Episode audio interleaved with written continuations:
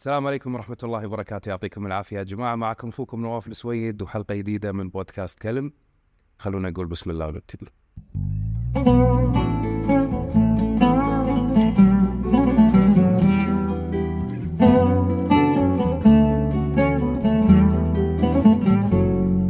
يا هلا ومرحبا فيكم أعزائي المشاهدين والمستمعين في حلقة جديدة من بودكاست كلم. واليوم ضيفي صديق عزيز قديم جدا. ولكن بالفترة الأخيرة صار من مشاهير السوشيال ميديا والترحال فحبيت أن أنا أقابله اليوم وأخذ منه بعض التجارب الشخصية في هذا الجانب. فخلونا نرحب مع أو نرحب بأخوي معاذ الأنصاري. يا هلا فيك. هلا حبيبي. هلا بك هلا. الله يسلمك. إيش أخبارك؟ الأمور تمام كله تمام؟ بخير الله يسلمك. أنا أعرفك من سنين. كلها سوالف سوالف بس أول مرة أحس إن أنا قاعد معاك بشكل رسمي. كنا قاعدين بخطبة يعني أنت قاعد مستحي دقيقتين بس ثلاث دقائق. إي خلاص. لا ناخذ راحتنا خلاص ما الوضع بودكاست مو مقابلة. تكفى. إيش أخبارك؟ هلا.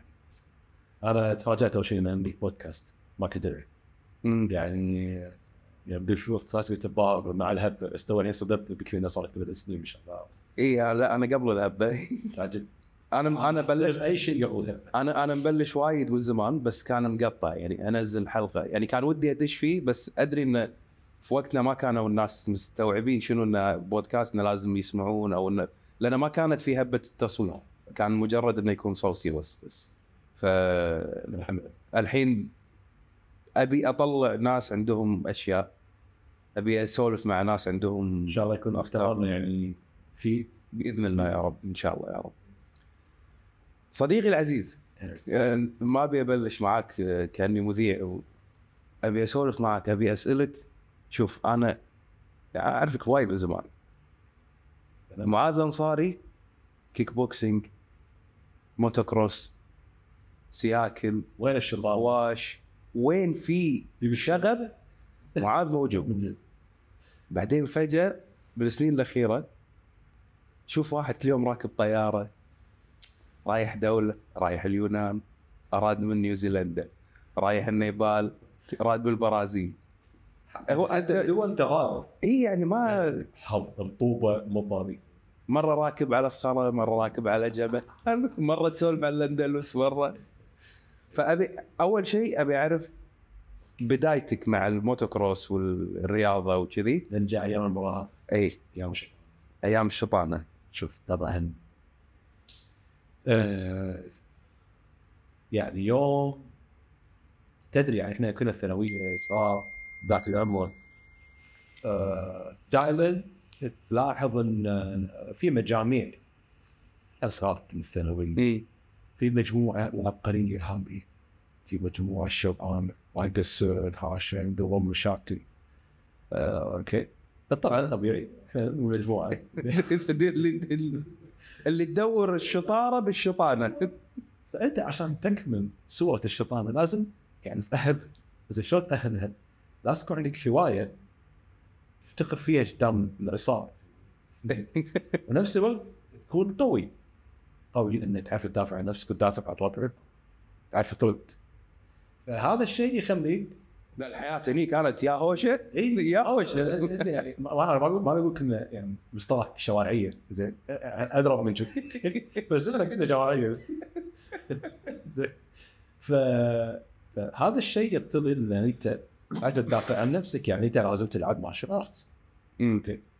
فذيك السنين آه أنا واذكر فريم صديقنا يعني رفاعي متعب رفاعي شباب بال martial arts ملاكمه ما ملاكمه هني وقتها ما كان المفهوم مال ال martial arts عندنا وايد كبير. بس إحنا لأن كنا شوي متوجهين على ال- ال martial art ندور الشيء اللي فيه ال extreme. إي extreme. بالضبط. يعني في ألعاب فنية لكن في العاب الكونغ فو في العاب الكاراتيه. لا لا لا ما نبي. أكثر شيء aggressive شنو؟ Thai boxing kick boxing boxing أكثر شيء عنيف ليش؟ عشان هم يشارك وهو دور يقدم الله استر علينا ف... فهذا السبب إنه يخليك أنت بالمجال هذا إنك تدور المارشال ارت كنت ألعب في هاللعبات هذه لكن التزمت على فكرة يعني في كنت لاعب رسمي في نادي النصر. يعني زين اخذتها بطريقة شوية محترفة شوي. أيوة. ان لعبت في نادي النصر آه ثلاث سنوات تقريبا ثلاث مواسم وكنت مؤهل إني أكون لاعب منتخب في الملاكمه. ونادي النصر كان هو النادي المتوفر يعني يعني لاقوى بين الأندية في ذاك الوقت. كنا ناخذ الكاس الجائزه كنا ناخذ جائزة آه كأس التفوق السنوي. كنا نجيب أكثر نقاط. كنت ألعب اللي هو وزن الديك. آه، خفيف متوسط. آه متوسط بس لا مو في الالقاب الثانية الدي وزن الدجاجه فكنت جدا متميز آه في هذا الوقت كان في مجال ثاني داش تبي أو هذا المجال اللي داش هذا اللي رسم حياتي حق 20 سنه دام أو للحين يمكن له تأثير. على أنا قاعد أنا أنا أذكر إنه يعني أوكي كان في عندنا ناس تحب سياده أنت متى بالضبط؟ 98 99 okay. ليش تكبرنا كذي يعني؟ okay يا هذه الدنيا صح هذه الدنيا. 40 40 خلاص بس إيه. ما في الله ال- المجال هذا كان اللي طبعا سياكل مم. آه، طبعا قصة السياكل هذه هم قصة ثانية جانبية طبعا حبيتها لما كنت في النادي العلمي ميكانيك سيارات. حبيت انبث في الميكانيكي فكنا نسمع أصوات أنا صاحبي الله يكرم خير أحمد الرشيد يارنا آه، هو اقدم رفيج عندي فعليا الكويت هو اقدم رفيج من ثلاث سنين لا أقول 95 96 كنا رحنا العلمي آه، جنوب السرة ما زال. كامل كان. يم محل اللي هي رابطة الكويت مجموعه السيارات كنت هناك هي هي جمعية الشرطة. أيوه. من ضبط الحين. الحين كنا بعد حطوا فيها مثل سكشن صغير حق سيارات سيارات اللاسلكي بالضبط. هذه كلها كانت طبعا هذا بر معروف إحنا الكويتيين عندنا جيلنا بر مشرف. إيه. إيه، كنا نخيم فيه في ذيك السنين قبل الثمانينات فما كان في شيء إلا نادي العلمي طبعا كنا نسمع أصوات أصوات عالية. كنا شنو نمشي ورا ملعب الكرة شوف وإحنا بالسوق قاعد نمشي نشوف برا السوق السياق شنو هذا سحر شنو السيكل اللي يضرب بالهواء هاي ماشي اللي نعرفه بالشارع. إي بالسيكل لابس أخضر وأحمر في سبوري نط إيش قاعد يصير بالدنيا. إحنا هذا ثلاث 95 يمكن. آه فنصعد السور نطالع بعدين عرفنا إن هذه رابطة تدشها بربع دينار. لكن إحنا ماشي في الدنيا ندفع تذكار لازم إيش قاعد نسوي؟ إيه لازم باص. 150 بس لا لازم نركب تاكسي لازم نحاش ما أدري ليش؟ هذا مو قصدي أنا بس أنا إيش؟ المهم. آه فكنا نشوف السياق الفني. هم بعد فز قلبك تدري يعني فينا عرج الشيطان هذا. الادرينالين هني بلش فهمت؟ فهم هو فعليا بلش قبل سالفة المارشال آرت السياق مم. بس قدرت أنت بس هني ما كان إن هذا بدش له. كان okay أحبه وأشوفه. ياخذ قلبك أنت ياهل كذي مراهق إي حبيته بس عرفت لما شيء ياخذ قلبك؟ إي أذكر. عرفت؟ إي. الكمبيوتر أول ما شفته أيوه بالنسبة لي. تنح وكل يوم تخلص شغلك. تروح تطالع والورشه وشلون. تروح شيء تنح. بعدين لما تبدأ كل خميس تروح كان وقتها ال- الأربعاء آخر يوم دوامات. إي. خميس يمع خميس يمع إحنا عطله يوم يوم الأربعاء بالليل الرابطة يبلشون الاستعراض والخميس. فكنا نروح بس كان ترى السياق كنا تنح زين ف عرفت طفله ك اليهال خاصة إحنا اليهال يعني لما تجيب حق ياهل سيارة سريعة سبورت ولا سيكل شو ليه ليه لما يشوفونك يشوفونك. شيء خيالي. ف واحلامك تكبر بهالشيء وخيالاتنا وكذي فكان عرفت ما تقدر تنام تسوي حنة. كان علي ويفتن. سيكل والله. انسى الموضوع. والله. المهم آه آه، الله يهديه أقول ولا شيء. خلاص راحت السنين. أحمد الله يحفظه ويخليه حق هذا وحيد وحيد الموضوع. فلما يقول شيء كابتن إيه. خلاص. فجأة والله شاري سيكل. جرحني. زين. السيكل ياباها 50 بي دبليو. يعني بالضبط ما يوصل حتى الكبر طبعا بوقت كله شيء كثير. مم. فطبعا طول الوقت تشوفنا بالفريق ران قاد هو يسوق حمال نسيه أنا وراه. لازق فيه وين ما يروح. فشوي شوي اشتغل حنا اشتغل حنا أول سيكل يا أبي يا أبوي سنة 99 هني أنا كنت وياكم بالثانويه اي فهني كانت يعني أنا 99 كنت أعرفكم بس أنا ما كنت معاكم بالثانويه اي كنا ربع الديوانية. صح اي ف...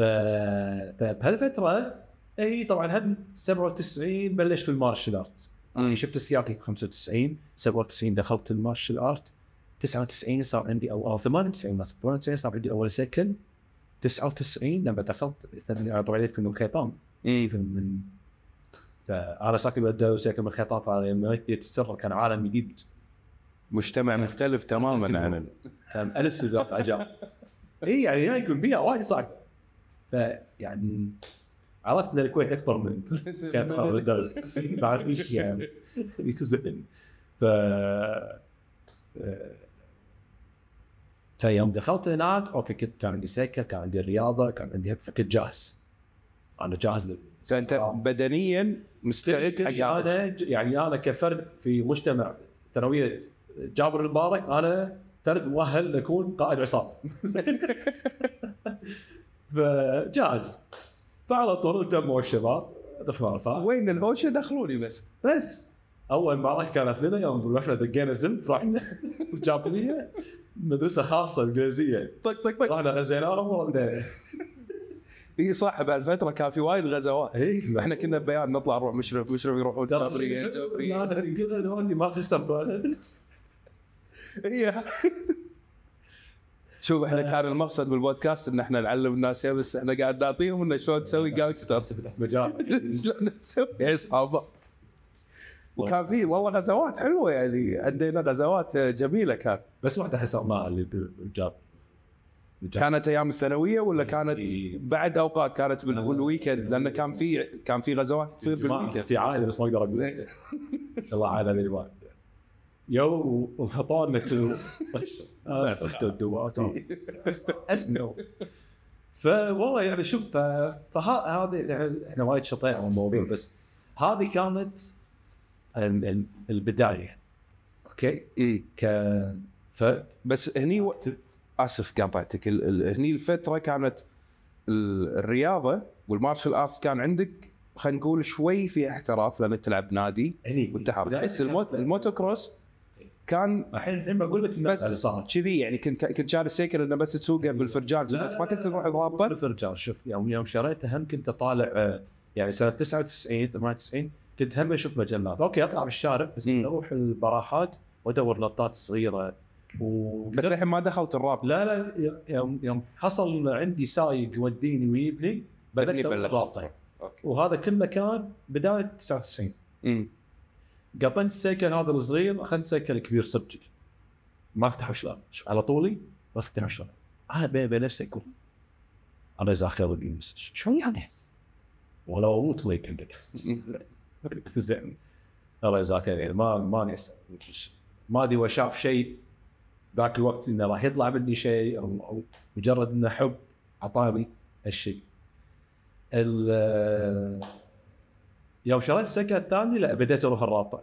بديت أتعرف على عند سنة 2000 آه، تعرفت فعليا 2000 آسف 2001 كان في مهرجان الأحمدي. مسوين حل. هني تعرفت على أول group اللي هم الجروب اللي من الجيل القديم اللي كانوا ما زالوا وصول.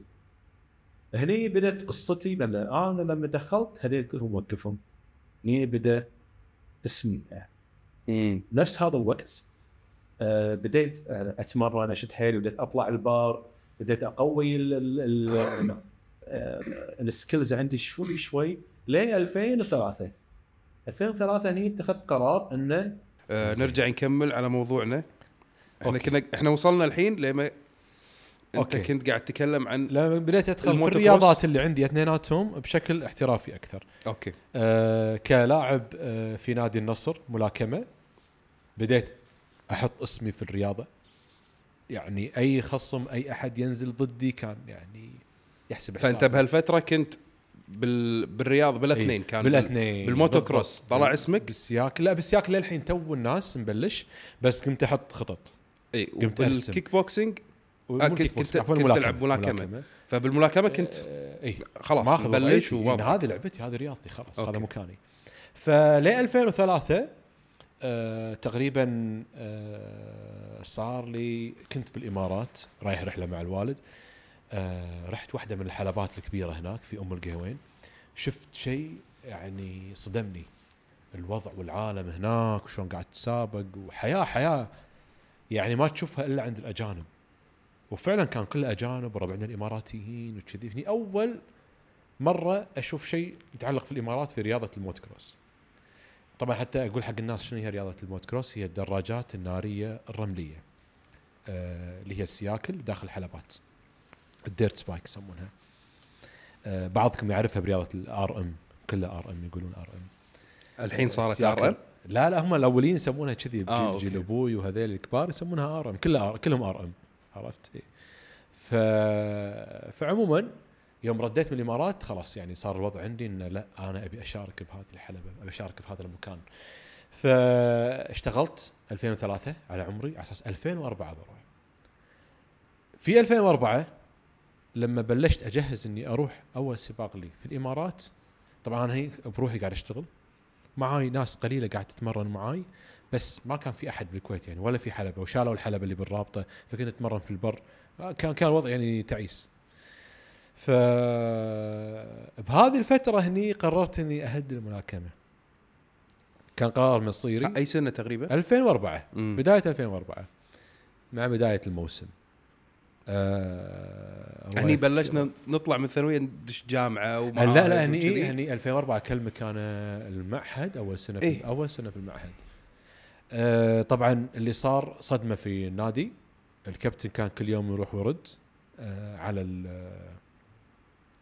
آه على البيت يدق الجرس وين ولدك؟ والله ولدي ماخذ سيكل وطالع تعال روح دوره يبوني النادي ما في لاعب يغطي هالوزن جاهز ومرشح منتخب مو شيء سهل إنك تكون منتخب فأنت تركت النادي كذي بس. كذي خلاص مع السلامة بس أنا هذا. ما قمت تروح بس لا تمارين ولا شيء أروح، ما بس. قمت أروح. لا لا مو مو ان قلت لهم بلغتهم ان أنا. بطلع. أوكي. اختفيت تلاشيت. إحنا كلنا. إي إي تلاشيت. وبلشت في هذا. فيوم رحت طبعا سابقت أول سباق في الإمارات في 2004 في حلبة أم القوين. طبعا ما انساه لأن هذا كان كان البداية. الفعلية حق حق عالم كبير قدامي. آه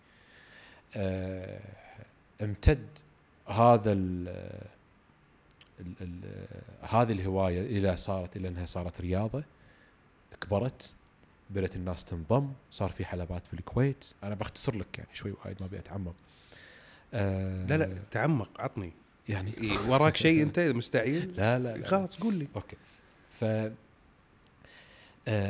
يعني تقريبا في 2000 خلينا نقول خلينا نعدي شوي 2004 كانت أول مشاركة لي. وتعرفت على الشباب الإماراتيين هناك ما قصروا وياي. فكنت أروح ورد بروحي هم أذكر. وين معاذ؟ بالإمارات. معاذ وين إيه، الإمارات. 2000 وين رايح و- الامارات 2005 2006 قمت أشارك في حلبة دبي وفي حلبة أم القوين. أنت هني بلشت إنه صار تقريبا وضعك هناك أكثر من الكويت. ما في شيء بالكويت.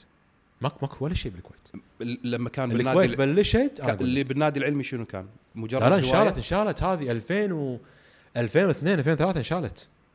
إي يعني مع؟ الفترة اللي انشالت خلاص صارت آه، آه، توسعه حق النادي وشالوها لأن اللي يسوقون فيها قليلين فإدارة النادي قررت إنها تشيلها وماكو أصلا النادي بكبره 2004 2005 انشال جنوب السره قاعد تنبني. الوقت خلاص قاعد. بيوت إي فلا 2004 2005 2006 انمسحت الحلبة بكبرها فتقريبا هوايتك هذه صارت إي خلاص بس قاعد يعني. عشان شي قاعد أقول لك أنا ال- الجيل اللي بلشت معاه بداية ال 2000 اختفى لأنهم كانوا من الجيل القديم فتميت أنا وجيل جديد ماكو ففعليا أنا في كم سنة ثلاث أربع سنين ما كان في أحد معاي فعليا بروحي بس أروح الإمارات أسوق وأتعلم كم معلومة وأرجع حتى كان مستواي جدا عادي لأن من وين ما حد يعلمني ويدربني وبالكويت ما كان في غيرك يعني ما. بهالوقت هذا يعني 2005 6 7 آه، تقريبا ما كان في آه، بس. أنت اللي موجود. يعني كان صاحبي أحمد بس يسوق معي خفيف وهني انبنت 2007 انبنت أول حلبة مرت بعد انقطاع. انبنت أول حلبة على الدائري السادس أوكي. هني بدأوا يتجمعون الناس. أوكي طبعا كوني أنا أقدمهم موجود فاستقبلت وأعطيت معلومات وساعدت. وهني بدأوا يتكون الجيل آه، ال- الأول بعد آه، الألفينات بعد الألفين. أوكي. ف فأنت خلينا نقول تقريبا الجيل الث... أنت من أنا الجيل اعتبر الثاني. الجيل الثاني يعتبر. فالجيل الثالث اللي بعدك طل- طلعوا أيوة، أو الجيل الأول من. بعد الألفينات. أيوه كذي. فما شاء الله صار في مجموعة كبيرة بدات شوية تطلع. آه، صار على الأقل في معاي أحد. قلنا. نتعلم قلنا ننوع في ال- ال- ال- الحلب يعني قلنا نتمرن في البر سوينا لنا أماكن وشيء كذي. في 2009 صارت لنا مشكلة في الكويت. أوكي صارت مشكلة بيني وبين نادي المشكلة هذه صارت في بطولة خارجية وصار في آه، يعني إحنا تشكينا وردينا الكويت صار في قضية ما قضية ورأي عام وقمنا يعني يصير يعني مثل حرب في الجرايد. أوكي. بناء على هالشيء تم إيقافنا عن الرياضة بالكويت. فمن 2009 إلى 2012 إحنا موقوفين من الكويت. وموقوفين إن نشارك آه، في الاتحادات اللي آه، في لهم صداقة مع النادي هذا مثلا خلينا نقول أوكي. الحين طبعا طبعا الحين الأمور كلها تمام وكل شيء تمام فما ودي أذكر أسامي انديه لا لا لا كانت أنا فترة قصدي يعني. الفترة هذه كانت أنتم موقوفين كلاعبين. إحنا ثلاثة طبعا. إي إن ما تشاركون أنتم بأساميكم كلاعبين باسم ممنوعين. الدولة. ممنوعين ندخل آه ما كلها النادي ما إيه. كلها الحلبه فكنا ممنوعين إن ندخل أوكي. بس أنت كنت تشارك برا. اي أنا برو أقول لك، أنا عادي يعني تروح. برا اي فإحنا طب ثلاثة طبعا منو؟ آه أنا وأخوي عبد الله شطي ومحمد جعفر. ف بهالاثناء كان عندنا طبعا صداقات في الإمارات وكذي. حياكم فصارت هالثلاث سنين 9 و10 11 12 ال- الأربع مواسم صارت حياتنا كلها في الإمارات. يعني ما أقص عليك إحنا نسافر ال- بالموسم الواحد الإمارات يعني 15 ل 20 مرة. رايحين رادين. غير الفترات الطويلة اللي قاعد هناك يمكن شهر وشيء كذي. تدريب تدريب تدريب. فكانت هذه تقريبا حياتك صارت هناك. إي بالضبط. أنت تذكر الفترة هذه. أذكر إي. ومعاذ بالإمارات بالإمارات. حتى الأخبار بالجرايد كانت تنزل آه، بطولة دبي بطولة آه، ما أدري وين آه، كلها كلها في الإمارات كانت. في هذه الأثناء يعني مثل ما يقولون رب ضارة نافعه إحنا أوكي توقفنا هني بس الفترة اللي كنا فيها مع ال- بال- بال- بالإمارات شنو اللي صار هناك؟ إحنا مع منو قاعد نحتك بالإمارات؟ إحنا إيش قاعد نسوي بالإمارات؟ شنو نوعية الحلبات اللي في الإمارات؟ شيء وايد أعلى من مستوانا، شيء. وايد صعب. آه، انضمينا حق فريق آه، أخوي الكبير آه، محمد البلوشي. سابقنا في حلبات صعبة. تواجهنا مع ناس صعبين. كانوا في ناس أوروبيين في ال off season في أوروبا يجون يتمرنون في اجواء الإمارات. لأنها قاسية. أبطال عالم فعليين يعني GP كانوا يجون يسوقون عندنا أسامي معروفة إلى اليوم يعني لها قوتها ومكانتها في الرياضة هذه. فأنت مجرد إنك تشوف هذا الناس وتحتك وياهم تتمرن وياهم تكتسب خبرة شيء مو. طبيعي فعقب ما انحلت مشكلتنا وتراضينا من الطرفين يعني هم إحنا يعني كنا بعد غلطانين يعني مو بس ال- والله النادي ولا يعني صار شد وإحنا وقتها صغار خلينا نكون واقعيين إحنا إي كنا شباب يعني و- بدايه العشرينات و... آه. فالمهم عقب ما انحلت المشكلة في 2012 ردينا نسابق في الكويت كان مستوانا عظيم. المستوى اللي وصلناه بالسواقة شيء فكنتوا يعني أرعب ال- طاغين على الموجودين اي يعني سبب خلل مع الناس اللي كانوا بس يسابقون في الكويت وما يطلعون. نفس الوقت سبب شيء حلو حقهم. إنه يلا إن كلنا أبطال خس- طلعوا إي، على طول. لا شلون نوصل مستواهم؟ يلا نمحط.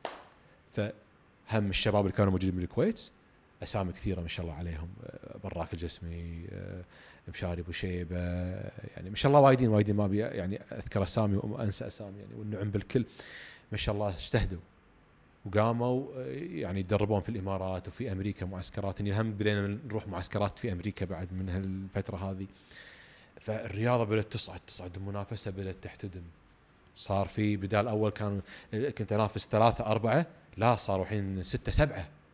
فقتال كان فطول السنة نتمرن الحين بيجيك على جانب ثاني شنو سوت هذه ال- ال- إني أسافر كل أسبوع أطلع أشيل cycle ي أروح الدوام. يوم الخميس أخلص دوامي أدق سلف أروح قطر ولا البحرين ولا دبي. رايح راد. شفت كمية ال risk اللي إحنا عايشينه كل weekend تبي أصدمك لأن عندنا موسم خليجي كامل. الكويت أوكي فيها سباقات. يعني هالسنين يعني عقب خلينا نقول عقب 2010 وفوق فيها سباقات عندنا موسم بس موسمنا يمكن خمس جولات ست جولات سبع جولات. عندك البحرين بطولة البحرين خمس جولات. عندك قطر دخلت في الخط 2012 من ناحيتين نوعين من الحلبات والسباقات اللي هي سباقات التحمل القدره والتحمل وسباقات الموتو كروس. يعني سباقات ال enduro سباقات الموتو كروس. ست جولات ست جولات هاي 12 جولة بس في قطر في الموسم الواحد. الإمارات آه، دبي وأم القيوين بعدين دشت وياها الباها الباها يعني يعتبر رالي مصغر. امم فهني هني ست جولات ما سبع جولات وهني ست جولات وهناك. فال weekend اللي أقعد فيه بالكويت عرس. عرس عرس. يعني اللي أهلي أنت آه أنت موجود. فأنت من شهر تسعة يبلش الموسم يتعدى الجو. من شهر تسعة إلى شهر أربعة. ما ابي أبالغ إذا قلت لك maximum ثلاث weekend ات أنا بس قاعد بالكويت. ثلاثة بس. من من 30 weekend أنا مسافر مسافر. ولا وفي weekend ات اللي مع نسابق في البحرين السبت إحنا بقطر. يعني أنا فعلا ترى قضيت نص نص عمري بسيارة. والله العظيم لو بشوف كم ألف. كيلو ماشي تدري شنو كمية ال risk؟ تدري شنو كمية الصبر؟ أنت اللي كان عندك إنه يعني غير risk السباق غير risk التمرين. هذا الحين جايك لا لا هذا الحين جايك risk الطريق. أنا ركبت معك شوي شوي. إي أنا الحين جايك أول شيء يوم قلت لي خرد ورديت معك تذكر يوم ردينا من ما دبي. انساها لك ما انساها لك كان- كان من السفرات الحلوة. إي بس كان رعب. بالنسبة لي هذا. تخيل انت أنت جيت معي رحلة واحدة. تخيل أنا عايش أنت كل يوم. قاعد تسويها كل أسبوع. اسبوعيا قاعد عايش هالطريقه شفت شلون؟ ف شوف أنا ليش هذه الاشياء بنت أشياء ثانية. بشوف كمية الصبر. اللي كانت قاعد تعطيني إياها الشغلة هذه. إيش كثر بالنا طويل. تحمل. دروب دروب دروب. والله العظيم نمشي بالساعات. لا مرات بروحي. مرات بروحي ترى. إي، مرات بروحي مرات مع ربعي الطريق هذا فإحنا بروحك كنا يعني مستانس لما القى والله فلان يلا تكفى تعال معاي. شيل cycle ه معاي ونروح. استانس أو أنا والله معي تعال وياي. أروح وياه. غير كذي أضطر أدق سلف. ما فيها. ما راح تروح. راح تخسر جولة. نقاطك راح تطيح. بطولة الموسم راح تروح عليك. معاناة. فأنت مجبر إنك تشارك. فعلمتك هالشغلة. آه ما كان في دعم قوي. فوايد آه وإحنا رياضة محركات فيها فيها تكاليف. صح. فهني هم تعلم تعلمك ال- ال- شلون ال management توزع. شلون توزع معاشك. شيء تصرفه لك شيء لا. عندك خرابات عندك أعطال. هذا بعدين طقه الماكينة. حبيبي. لا لازم تشوف لك cycle ثاني. يمكن تأجر لك cycle بكبره. فالأشياء الطارئة هذه علمتنا شلون إن نضبط أمورنا المالية. فالحين شوف الصبر خاصة أنت لا sponsor ولا متابعين بالضبط. ولا يعني الخير يا بالسنين الأخيرة أوكي؟ ف شوف عشان امشي إياها بنقطة نقطة شنو ال- الأمور. إن كنا نصبر وكنا ننظم أمورنا المالية علمتنا شلون نرتب أمورنا المالية وين نقط فلوسنا بالضبط وين ما نفسفس ما نروح طلعات القز واليات الناس قاعدة تروح شباب عمرنا وين؟ وهالطلعات إحنا والله نتشفق على الطلعة والله العظيم نتشفق على الطلعة. عقب السباق عندنا عيد إن نروح آه، نتعشى ويا بعض بمطعم وإحنا متسابقين ولا يعني. آه هذه الشغلة. الشغلة الثانية الحين أنا خلصتك بعض الأمور. تعال حق التجهيز حق هذه الرياضة. هذه هني الناس عندها لبس في رياضة الموتو كروس. إحنا نعتبر أوكي إحنا رياضة محركات. نعتبر جزء من ال- ال motor sport. بس إحنا رياضة يعني إحنا تعتبر رياضة بدنية. اي الجسدي عندكم ليش؟ شيء. إحنا طول ما إحنا نسابق واقفين. أنت ما تقعد. آه السيكل طول ما أنت تدوس لازم تسحب وتدس وتشيله تسحب وتدس. والسيكل تقريبا وزنه 120 كيلو. السباق عبارة عن مرحلتين. المرحلة 12 دورة يعني 20 دقيقة 20 دقيقة. هذه الموت كروس. ال 20 دقيقة بالضبط إذا بقيس لك إياها الحين بفهم الناس في الوقت الحاضر شنو هي ال 20 دقيقة؟ بالضبط كني مدخلك بطولة كروسفيت لازم تجيب أعلى أرقام وأسرع أرقام بهال 20 دقيقة. اللي اللي يلعبون CrossFit وال circuit فاهمين أنا إيش قاعد أقول. شلون تخلص اللي عليك بأسرع وقت. شفت الانفجار العضلي هذا اللي قاعد تسويه؟ إحنا هذا الموتو كروس فأنت. تخيل قاعد تسويها على مدار من شهر تسعة لشهر لا لا أربعة. جاي كان بالصيف شنو كنا نسوي حبيبي؟ عشان برمضان. تجهز حق. برمضان لما كان رمضان بالصيف يا جاي كان. إيه. حبه حبه أنا قاعد أشرح لك هالأشياء ليش؟ لأني قاعد أجمع لك شنو أنا تعلمت وشنو أنا صرت؟ فقلنا أول شيء الصبر وطولة البال وال management. ال- ال management الفلوس. موضوع الرياضة اللياقه أنا الحمد لله إني رياضي من من من صح. من وعيت على الدنيا وأنا رياضي من وأنا صغير. شوفوني بالمدرسة طويل تعال ما تاخذوني ركض آه، عداء دخلوني نادي كاظمه السباحة. دخل- لأن بس لأن شنو لأن جريمتي إني أنا طويل. فيدشون المدرسة يخمطوني على طول لا يستأذنون ولا شيء يقطوني بالملعب. طبعا هالأشياء صعبة في وقت وأنا ياهل وأنا صغير بس بنت شيء إن أنا عشت حياتي كلها بالرياضة الحمد لله. يعني سبحان الله في أشياء قبل كنا نشوف إيش حقه قاعد يسوون فينا كذي بس لما تكبر تبدي تستفيد انه. آه، فادتني وايد. يعني أنت كنت تقريبا بيننا كلنا طبعا أنا كنت قلت لك إني بلشت arts بس أنا إيه. أنا من قبلها كنت هاي يسحبوني غصب عداء في نادي آه، الكويت أتوقع وهذا بعدين السباحه في نادي كاظمة وبعدين نادي خير بهالفتره أنا كنت ألعب سلة بعدين لعبت إيه. يد أنت كنت قاعد أنت هني كنت بالموتو كروس كنت أصغر أنا كم كان عقب الغزو على طول السنين هذه يعني. إي أنا هني بعدها تقريبا إيه، بالمتوسط دخلت دخلت. دخلت لما دخلت آه، ال martial arts. okay وبعدين بالسياكل القصة اللي قلناها أول شيء. ف فتخيل إحنا محرومين من السكريات محرومين من التدخين خاصة في العمر هذا نموت. بالتدخين محرومين من الملذات الحياة والأكل الحلو وال فنظام diet حقيقي ليش؟ أي شيء أي دهون غير صحية أي سكريات غير طبيعية تدخل الجسم تأثر بشغلة يسمونها ال arm pump يسمونها إحنا عندنا في في ال motorsport أو الرياضيين اللي يستخدمون إيدهم وايد وجذعهم خلينا نقول يعني من ال- ال- ال- ال abs وفوق في شغلة يسمونها ال arm pump. ال arm pump من تسوي مجهود عضلي تقفل إيدك عندك. الإيد الذراع تقفل مم. إذا كثرت إيش يصير فيك؟ وأنت قاعد تسوق سيكل سرعه هالسيكل ما ادري إيش كثر وكلها طمرات ما راح تقدر تسوق. ما راح تقدر تدوس بنزين إيدك تقفل العضله خلاص ما هي. يابسة ما تقدر تدوس بنزين. شنو يعني ما تقدر تدوس بنزين؟ يعني اللي وراك راح يصيدك اللي قدامك راح ينحاش. معناته إن في أشياء لازم تسوي لها يعني حسبة. طمرات طمرات كبيرة. لازم تحتاج إن تكون أنت في fitness عالي عشان تسوي هال double jumps أو ال triple jumps في whoops مطبات. عشان تعديها بطريقة صحيحة لازم تكون. تخيل كل هالأشياء هذه. وراك واحد يبي يصيدك. قدامك واحد تبي تصيده. هذا الارم بامب إذا ياك شوية دمر مستقبلك. دمر يومك في السباق. عشان تحارب الارم بامب لازم تتمرن تتمرن تتمرن. وأكلك لازم يكون صح ولازم تنام صح. الناس الحين من صدمة إيش دعوة؟ ترى كله سيكل لا سيكل عن سيكل يفرق. صح. فاي لما أنت مو ماشي إيه بسارع. بس ياكلنا مو بشارع. فتعالوا الحين يجيبوا سيكل عادي. ويوم من ربعي كانوا يضحكون علي وهذا كنت بالحلبة يقولون يلا تعالوا امسك السيكل يلا ورني. ابدا لا تقعد خليك كله واقف وطق فرة بس. والله العظيم ما يخلص فرة يسب ويلعن. شنو هذا؟ معقولة؟ ظهره شد فخوذه شدت بطاطه شدت إيده تصلبت مو بس arm pump تصلبت. تخيل. دورة واحدة. قلت له تخيل إحنا يعني 12 لفة. سباق full speed full throttle ما نحترم الgear ما نحترم الماكينة. فشيء level عالي. فعشان كذي وهذه صدمة حق وايد ناس إن كنت أدخل على ما إذا موجودة للحين ولا لا تقييم أصعب عشر رياضات في العالم. رياضات. okay ال toughest sport in the world okay top 10 خلينا نقول. صدمة إن الموت كروس من ضمنهم.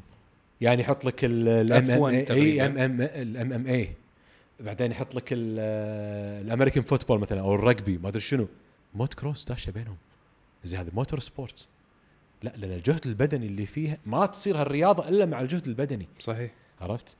ف حتى ال F1 يمكن أتوقع نفس بس الشيء بس يعني. لا شوف ال F1 يظل يعني هو هو أنا أتوقع بال F1 عندهم التركيز العقلي تركيز، والذهني أعلى. عضلات معينة إيه، يعني عضلات الرقبه ال G-force. لأنه okay؟ already هو قاعد, قاعد ما. ما عنده فعشان كذا لما تشوف اجسامهم تشوف اجسامهم عادية ترى. اي بالضبط. بس إن المن يعني التركيز ردة تركيزهم الفعل رهيب. عندهم جبارة. عظماء طبعا. شوف كل بس أنت عندك عظمائها. الجسد أيوه. والتحكم لأن أنت قاعد تشيل هالسيكل وترده وتحطه. رياضة رياضة. طبعا ها غير الحركات. اللي أنتم تسوونها. إيه. يعني إحنا يعني إحنا من كثر ما كنا نجهز. في آسف في نقاط تصير على الحركات؟ لما؟ لما لا لا لا ماكو نقاط. هي هذا بس كذي يعني. كلنا نبدأ مع بعض خط أوكي. بداية واحد واللي يوصل بعد مثلا 12 دورة على حسب طبعا نوع الحلبة والمكان وهذا. لما نوصل خط النهاية هني يبين الأول الثاني الثالث بعدين المرحلة الثانية.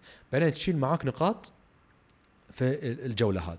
خل أشرح لكم شغلة في رياضه المحركات. هذه كل رياضه المحركات. عندهم نفس الشغلة هذه. فورمولا 1 رالي آه، ال MotoGP ال motocross. آه، خلينا نقول مثلا في آه، البطولة يسمونها بطولة. البطولة فيها عشر جولات. okay؟ مثلا بطولة الكويت فيها عشر جولات okay؟ فأنا أدخل الجولة الأولى. شنو مركزي بالجولة الأولى؟ الأول ثاني ثالث؟ أتكرم في هذه الجولة إني فزت فيها أول مثلا أو ثاني أو ثالث أو يمكن ما فزت بس شلت معاي نقاط عشر مم. نقاط. الجولة الثانية. مثل دوري تصير إن أيوه تجمعها. شلت معاي 20 نقطة.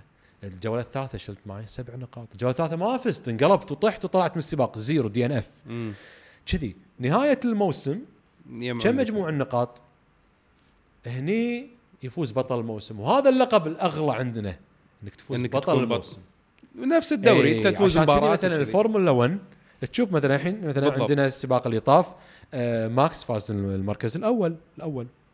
الحين عندنا جولة جدة ال weekend الجاي. بنشوف من راح يفوز الأول. مم. عندهم 24 سباق في الموسم الواحد الفورمولا 1 فمنو بالنهاية بياخذ بطولة الموسم. هني اللي راح يذكر التاريخ. الفريق نفسه. هني هني التاريخ راح يذكر هذا. ليش إحنا بس نذكر مايكل شوماخر؟ لأن عنده سبع بطولات عالم. البطولة كاملة ماخذها بطولة كاملة سبع مرات. ما حد كسر رقمه للحين. وصلوا حق رقمه بس ما حد كنا هاملتون. ما. هاملتون وصل نفس الرقم بس ما كسره للحين. okay. ف- فمتساويين. إي نعم متساويين. فهذا هو عشان تفهمون موضوع النقاط. فإحنا لما نشارك في بطولة okay أنا فزت الأول بالسباق الفلاني فزت في البحرين فزت. أنا همي نهاية الموسم وين راح أوصل؟ آه نهاية يعني ال- ال- الهدف إني أفوز في بطولة الموسم. ف فهذا هو. فشوف تجهيز رياضي عظيم. طبعا الحكي البلوه وين إنه وين التجهيز الرياضي يكون؟ تخيل بالصيف. مو بال season ال season إحنا جاهزين ال season أنت خلاص تلعب بس. خلاص جاهزين إحنا. المفروض أنت بس قبل نحرك العضلة. فإحنا نرجع من السباق نرجع بالسيايير من الدولة الفلانية يوم السبت بالليل ننام نقوم يوم الأحد. اليوم الوحيد اللي نريح فيه يوم الأحد هو يوم راحتنا. مم. ما نسوي فيه ولا شيء بس ناكل نعبي أكل. يوم الاثنين نرد نروح نتمرن بالحلبة recovery نسوق قاري نركض مثلا يوم الثلاثاء يوم الاربعاء نسوق cycle. يوم الخميس مجهزين أغراضنا. شايلين سياكلنا داقين سلف رايحين ديرة ثانية.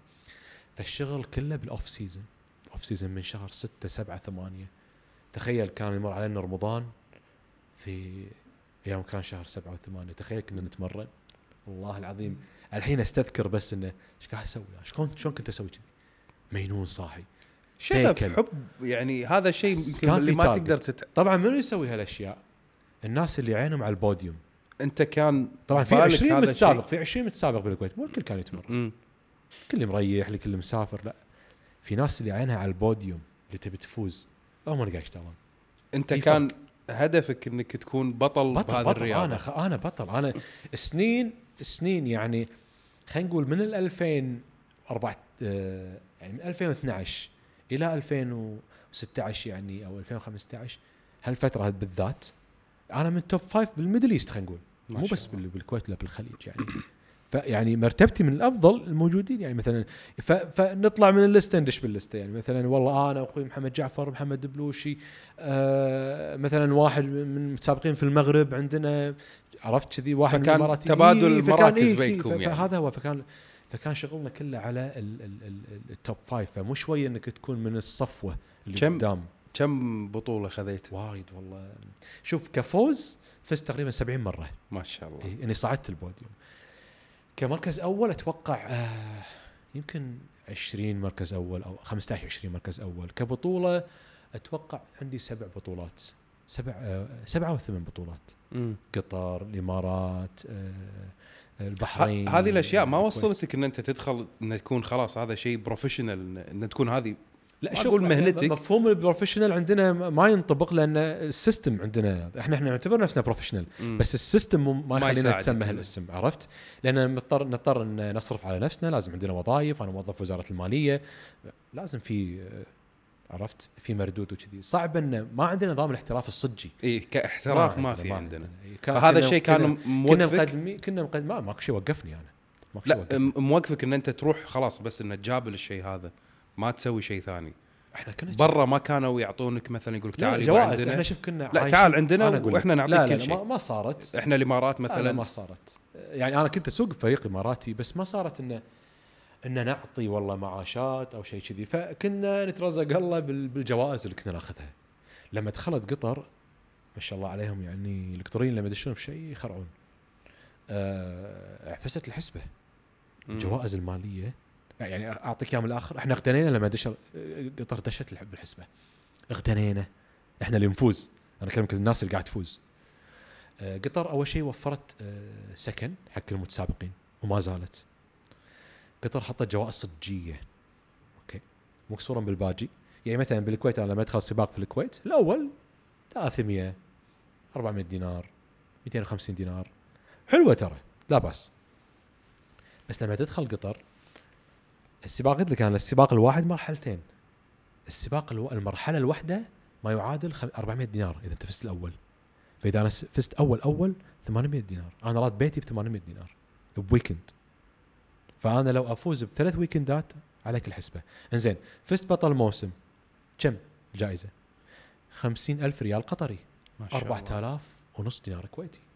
هذه الأرقام تعني لي شيء أنا ك... صح. وانت شباب ف- وما, وما عندك يعني مثلا مسؤولية وبيت وهذا لا لا. يعني لا حتى حتى مع مسؤولية بس إنه من لا شيء ومن مبالغ بسيطة أنت تطلعها يعني تجيك هذه الحسبة وقاعد تمارس شيء أنت. تحبه على فكرة إحنا رياضتنا تعتبر من بد رياضة المحركات رياضتنا تعتبر رخيصة ال cycle تشتري من الوكالة ما تحتاج تحط عليه ولا برغي ترى ليش؟ نرجع على موضوع اللياقة وال fitness وال skills لأن لعبتنا لعبة ما ما ودي أقول هالكلمه بس هذا الواقع. رياضتنا رياضة زلومة. okay. مو والله ماكينتي قوية بفوز. لا حبيبي قوم. يا ما يا ناس قوموا مكاي إحنا أصلا ندش بفئة بسياكل أقل من السياكل الكبيرة يعني في 450 250 أنا أدش 250 أ- أقطع ال 450 ليش؟ لأنه ما عنده لياقة أو ما عنده skills بس. فعشان كذي سياكلنا standard ترى والله. بعدين قمنا نعدل شوية على موضوع المعاونات آه، اكزوز خفايف كذي. بس أنا ياما شاركت بمواسم أحسن مو- مواسمي. والله ال cycle من الوكاله على الحلبة. خلصني. ما عندكم مشكلة فيها لأن already هو ما. يعتمد عليه أصلا. سعره 2000 وشيء بس فما عندنا المصاريف.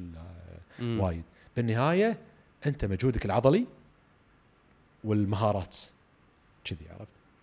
فعشان كذي رياضتنا تعتبر. فلما كنا ندخل هذا المدخول فكان بالنسبة لنا وايد حلو. مم. okay قام يفرق بحياتنا قام يعدل فينا أشياء وايد قام يسوي أشياء وايد. آه، قام- قامت ال- الأندية شوية تهتم عندنا آه، بالكويت إنه والله نروح حق معسكرات في أمريكا. 2013 بلشنا نروح أمريكا كل صيف كنا نروح أمريكا نقعد شهرين. مم. نقعد هناك نتمرن ونسوق وكذي. آه، فهذا النقلة النوعية صارت. ف فشوف أول شيء يوم كلمتك عن دروب السيارة علمتنا الصبر. آه، موضوع الترتيبات المالية خلتنا نتعلم شلون ندير أمورنا المالية. موضوع اللياقة شلون تهتم وتعرف كل صغيرة وكبيرة بجسمك. طبعا أنا عسكرت حتى في سويسرا ولعبت مع مدربين هناك وفي الإمارات وفي أمريكا فصار عندي حتى خبرة رياضية. مع الوقت أنا اكتشفت إني أنا صرت مدرب رياضي. مم. لما أقعد مع الناس واحد والله ابي أخفف وزني تعال حبيبي أنت واحد اثنين ثلاث بس أنا مو اوفشل أقدر أسوي هالشيء عرفت؟ هم أهل الاختصاص أكثر بس عندي هالأشياء. أنا أنا أذكر يعني كنت مرات لما تجينا تفتح معنا بالأكل الأسبوع اللي وراه تقول لا بس خلاص أنا الأسبوع اللي فات فتحت هالاسبوع إيه. بس خلاص. بس. كنت أنصدم منك إنه شلون قادر يتحكم فاهم خلاص. بهذا الشيء. فاهم جسمي بالضبط شنو. اي إنه لا أنا الحين أبي آكل. أبي- أبي آكل معاكم. آه الأكل خايس أبي آكله. الشكر هذا أنا باكله. صح. الأسبوع اللي وراه خلاص أنت كانه ال- يعني مسحت اللي بالضبط. سويته لا لا أنا متنت شوي لا الحين أنا عندي ببلش أيوة. سباق بسوي كذي. برد مع الوقت تستوعب. ش- شلون قدرت تتحكم بنفسك يعني هو مع الوقت خلاص تكتشف جسمك تعرف جسمك لا أنا قصدي يحتاج؟ شلون قدرت يعني الحين الأكل حلو وال. أنت في تدري تارجت في وهذا تا في في هدف عندي بالضبط أبي أفوز. أنت لما تخربني بهالشغلات لما أسهر لما أخربط في الأكل لما هذا ما راح أفوز. نقطة انتهى بس. فال target أنت حاطه اي أبي. أفوز. أنا مو قاعد أطحن بالحلبات ومعرض نفسي حق الحوادث والموت والدنيا. إحنا الحين ما دخلت لك بسالفة الحوادث في الحلبة والعمليات اللي مرت فيها والإصابات اللي مرت فيها. الناس مو تحت. قصة جديدة أدري. شو يشوفون. توني جاي جايك من عيادة أنا. للحين ما خلصت. معتزل من 2016 للحين ما خلصت. ف فشفت الحين قاعد اجمع لك النقاط. فموضوع الفهم الرياضي و- وال, وال... تطوير الجسم بالرياضة أوكي؟ مم. أو يعني مثل ما يقولون الاستيعاب الرياضي. شلون استوعب؟ أنا بس بسالك نقطة عن ال... أنت الحين قاعد تتكلم عن رياضة. أي. في ناس تشوف مثلا النادي والحديد هو جزء من الرياضة بس مو رياضة هو مو رياضة تفضل إن الناس يدشون نادي كذي يلعبون حديد ولا يلعب رياضة؟ شوف آه أنا الحين معتزل الحين ما عندي شيء محدد في حياتي. امم بس أحب ال lifestyle يكون يعني حلو. أحب جسمي يكون حلو. أحب صحتي تكون زينة. أبي أوصل لعمر اسال الله يطول بأعمارنا كلنا لعمر كبير بس بعافيتي. أوكي؟ يعني أعيش يعني بعيد الشر عنا كلنا ما أبي أعيش هذه سالفة المستشفيات وإني من عيادة لعيادة. هذه شلون تي؟ لما يكون عندك حياة صحية يعني نمط حياة حلو. فأنت لما تدش نادي وتركز على شيء واحد إذا عندك رياضة أنت كرياضي لاعب نادي الله يوفقك أنت كفيت ووفيت دام إنك قاعد تتحرك وتسوي رياضة تمام. آه، الحديد بحد ذاته ما يعتبر رياضة مم. يعتبر رياضة مكملة. فاللي ياخذ الحديد بروحه يعني هذا ما ينصح فيه كلش. ولا يعني يعطي طولة عمر ولا يعطي شيء يعطي تصلب ومشاكل و... وإصابات. أوكي؟ فلازم تدخل معاه أشياء ثانية. فأنا كنت ألعب حديد ما عمري ما وقفت الحديد. كرياضة مكملة لازم أصلا. حتى حق الشيخوخة يقول. لازم تلعب حديد. مكملة. تقوي تعطيك قوة إيه، بس. ولكن ما تعطيك إيه. الصحة. فأ- بالضبط. فأنت الحين لما تطمح حق الصحة أنت تبي يعني أنا عن نفسي مرات أسوي قاري cycling. السباحة أحب السباحة. قلت لك أنا طفولتي يعني. بلشت سباحة تقريبا أول رياضة كلنا. بلشنا فيها بالضبط. ف فأحب أسوي السباحة. أحب الركض وايد. فمرتين ثلاث مرات بالأسبوع أركض. ركضة عادية يعني.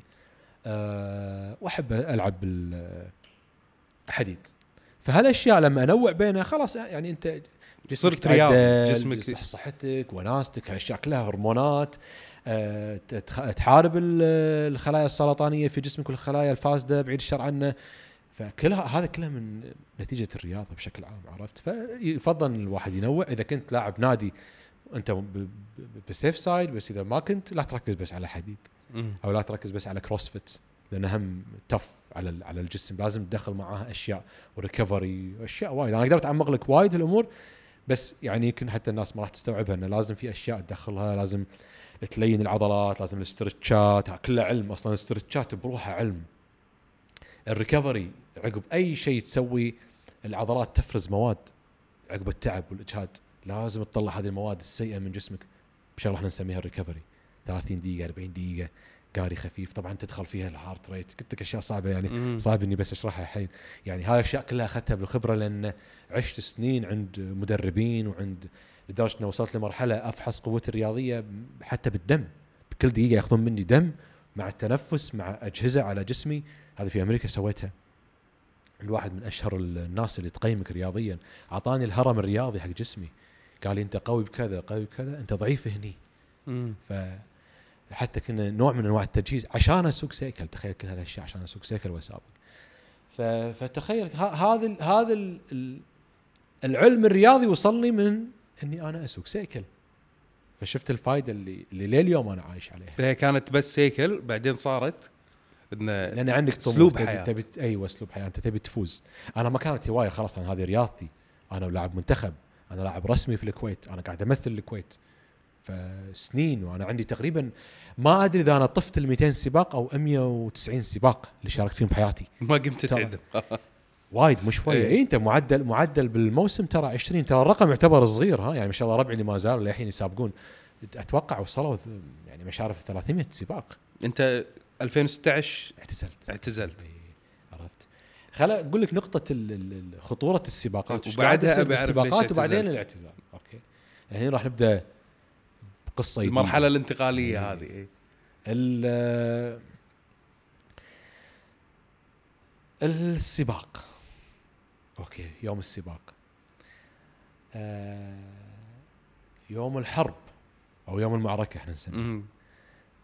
فلان عدوك فلان وخر عنه فلان صديقك فلان راح تساعده فلان راح تغطي عليه فلان راح تقلبه الذبحة. هذا السباق. في قانون الموت كروس في رياضة المحركات بشكل عام في شغلة اسمها ال block pass. ال block pass إنك تطق واحد أو تسكر عليه تخليه كيف يطق brake أو إذا عاند ينقلب ويطيح. مسموح في رياضتنا. اللي مو مسموح إنك تدعمه أشكره. أو ترفسه أو تطقه بيدك. لكن غير كذي مسموح. تدري يعني مسموح؟ يعني قتال كان داخل الحلبة. آه فلما كان يبلش الموسم عندي ناس أوخر عنهم في الحلبة عندي ناس طيب وياهم وعندي ناس أقلب عليهم بعدين. فأنا كنت أتعامل مع الكل بليونة. أبلش الموسم إنسان طبيعي. لنهايه الموسم عندنا مذابح صايرة. قالب فلان فلان قالبني. هذا مطيحني هذا غطى علي. ابي اثأر من هذا أبي اطيح مم. من هذا. تخيل. بس إنه كان الوضع إنه بعد السباقات بعد هذا لا لا لا في tension لا في tension. في tension وفي لا أنا قصدي بعد البطولة لما تخلص إنه لا لا في خلاص في آه، يعني أنت أنت قلبني. الموسم آه. الجاي راح أجيك. أوكي. والله ما أنساها لك. تظل كذي يعني تصير اي عداوات. شلون تقلبني؟ شلون تسكر علي أنت؟ ليش تقلبني؟ كنت تقدر تطوفني عادي ليش ليش سكرت علي وقلبتني؟ مم. ليش خليت لما قلبتني ليش خليت اثنين زيادة يطوفوني؟ ليش طيحتني من بطولة الموسم؟ لا أنت لا. اقرب لي اللي لا مذبحة. لا الوضع كان كان منافسة شديدة كانت يعني وايد. أنا هذا بوصل لك اياه الوضع كان حرب. تخيل إذا غلطت وانقلبت عادي تكسر لك إيد عادي تكسر شيء عادي عادي تتعور تتألم عادي نهاية اليوم أنت بالإسعاف. هذه مشكلة. المشكلة الثانية تخيل سيكلك يخترب. فشنو نفسيتك وانت لما مجهز وجاي بقوة ويبنشر تايرك ولا السيكل يطفي فجأة؟ الشغلة الثالثة ال- ال- الصراعات الداخلية إن واحد يطيحك ويقلبك وكذي. فكان ف- عندك ف- صراعات غير فشنو إنه مع ال- الهموم هذه؟ تخيل يكون بينك وبين بطل الموسم على بطولة الموسم نقطة نقطتين إنك بس لازم أطوف هذا. ما تدري بتطوفه ولا ما راح تطوفه. فتخيل شنو كمية كان في صراع نفسي بين نفسي. عرفت؟ شلون كنت تتغلب عليه؟ ما, ما في خلاص. بس يبلش خلاص. هذا الميدان يا ميدان خلاص توكل على الله. روح. زين. واللي يصير؟ أبي بعد ما اعتزلت ليش قررت إنك تعتزل بهالسنة؟ يعني أنت أنت كان في عندك وربعك ما شاء الله للحين مبلشين وقاعدين يكملون بس أوكي شوف آه في آه شنو ال... أوكي في في 2013 آه، كان عندي سفرة. طبعا أنا بقول لك شغلة برد إحنا طبعا في معسكراتنا وبطولاتنا وهذا حياتنا شنو كانت؟ كلها سفر. استوعب الكلمة ها؟ كلها سفر الحين أنا بديت أستوعب إيه. إيه. أوكي ولما كنا نسافر وين كنا نروح خاصة لما كنا نعسكر في أوروبا. في في ألمانيا وفي سويسرا وفي فرنسا وبعدين في أمريكا وين كنا نعسكر؟ دائما في ال countryside في الأرياف بالارياف من تشوف الناس الصجية أهل البلد عنصرية وخرابيط وميديا هذه ما ما تشوفها تشوف أهل البلد الصجيين تشوف ال ال ال ال الحب والعاطفة والترابط والناس ناس صجية يعني.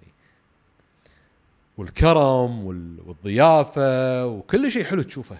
مم. تعيش مع الناس الصجية من هالبلد فتحب إنك تبتعد عن المدن وتروح الأرياف. مم. هذا الشيء مهم. كثرة السفرات كثرة التنقلات. وبالسفرات نفسها كان في عندنا أيام أوف فكنت نروح تطلع تشوف. نصعد لنا جبل. نروح وادي نروح مزرعة. عرفت كنا نتشيطن تستكشف. يعني. نستكشف. أوكي الحين صارت عندك فكرة؟ أوكي. في 2013 سافرت آه واحدة من السفرات كروز. مم. فطلعنا من فينيس وين وقفنا أول شيء في كرواتيا. ما اهتميت بوقتها كرواتيا ما عجبتني. كانت أول جزيرة لي وين؟ في اليونان. أول مرة أنزل اليونان في 2013 في جزيرة كورفو. عقبها طلعنا الجزيرة اللي وراها الثانية جزيرة كيفالونيا. هني بدت قصة أنا عايش عليها لليوم. في قرية في هذه الجزيرة طبعا هو tour انت تدري لما توقف في الكروز تشارك في ال tour ال tour هذا يعني يفتر فيك يوريك الأماكن. نهاية التور ودونا قرية ساحلية صغيرونة حلوة اسمها فيسكاردو. مم. في فيسكاردو قاعد اتمشى ناس مريحين تغدوا وكذي قاعد أتمشى. كان أروح عند وين؟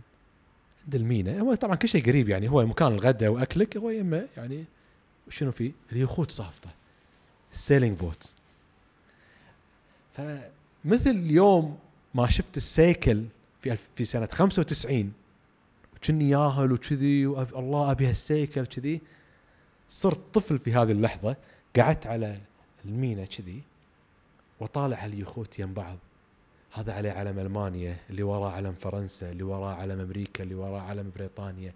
كل عائلة قاعدين يا بعض كلهم يسولفون يم بعض. يخوت شي صافطة الماي تحتهم شفاف. إيش قاعد يسوون بعمرهم هذيلي؟ هذيل قاعد شي قاعد أفكر ليش كثر مستانسين؟ شنو يعني شي السما حلوة؟ وكاهو المطعم يعني ينزل من اليخت دش مطعم. والماي تحته شفاف. شو هالماي هذا؟ إحنا ما شف ما نشوف ماي كذي بحياتنا. قاروا ذبحوا لنا طب.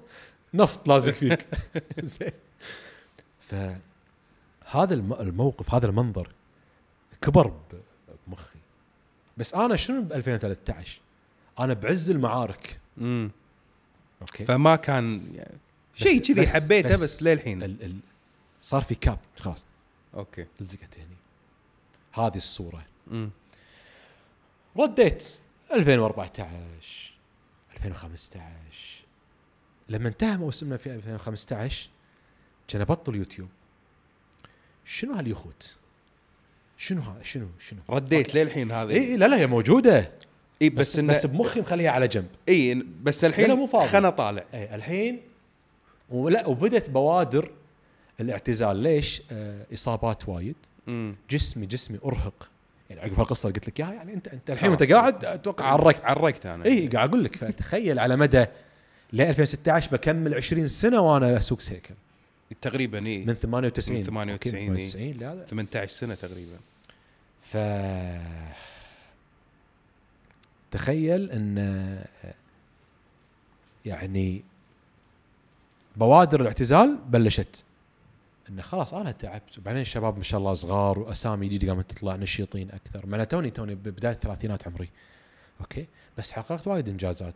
وحطيت اسمي خلاص حطيت معاذ الانصاري بطل في رياضة المحركات في رياضة الدراجات النارية. كل أحد له ارتباط في الرياضة يعرف معاذ الانصاري نقطة انتهى. حتى وقت ال social media ما كانت قوية انت. بداية 13 يعني آه، تو الانستغرام بلش 2012 2013 صح. آه، فبوادر الاعتزال موجودة. و يلا تعال يا صورة اليخت هذا. شنو هاليخت هذا؟ واتعبث في اليوتيوب. اتعبث بديت أعرف أساميهم أنواعهم شركاتهم. إنزين okay. وين نتعلم؟ إنزين. عرفت إنه في أكاديميات عرفت إنه في ال ASA اللي هي ال- الأمريكية عرفت إنه في ال RYA اللي هي الملكية البريطانية. عرفت وين أماكنهم؟ واكتشفت إن عندنا بالخليج قراب يمنا في بدبي في بالعمان في بالبحرين. في باليونان okay أنا أحب اليونان خل أشوف لي شيء باليونان ف يعني تشيكت على واحدة. زين شنو الكتب اللي يدرسونها؟ شنو هذا؟ اطلب. اطلب. قمت أطلب من أمازون. أطلب كتب وخرابيط وأشياء ما أعرفها يعني. أنا حتى بالإنجليزي مو ذاك الزود. من الفوائد ترى اللي علمني على الإنجليزي وإني أقرأ إنجليزي وهذا ترى يعني. okay الرياضة ساعدتني بس ال ال ال لما دخلت موضوع ال- اليخوت وكذي تعلمت وايد. تعلمت وايد. من إلى شي صار الوضع يعني من أطلب وجبة بماكدونالدز ليه قمت أسولف يعني. كذي الوضع. ال- فخلاص هني لنهاية 2015 انحطت الخطة. أبي أتعلم على هذا اليخوت مهما كلفني الأمر. وراح أعتزل في 2016 مع نهاية بطولة قطر. حطيتها براسك خلاص. انتهى الموضوع. بلش الموسم بلش المحط. انتهت البطوله كان أقول حق ربي هم قاعدين ما حد يدري. قلت لهم يا جماعة ترى هذا آخر سباق لي. قام زين كذا ما في أحد يعتزل قلت لهم هذا آخر سباق. وخلينا نروح البوديوم ونصور كلنا صورة للذكرى. فهني صورت صورة ورفعت إيدي شي عليها والشباب شالوني إن هذا اعتزالي. okay؟ أنا اعتزلت في 2016 في بطولة قطر وحققت البطولة وقتها بعد. أخذت البطولة. اعتزلت. بس طبعا ظليت أسوق سيكل ل 2018 امم بس بشكل غير رسمي.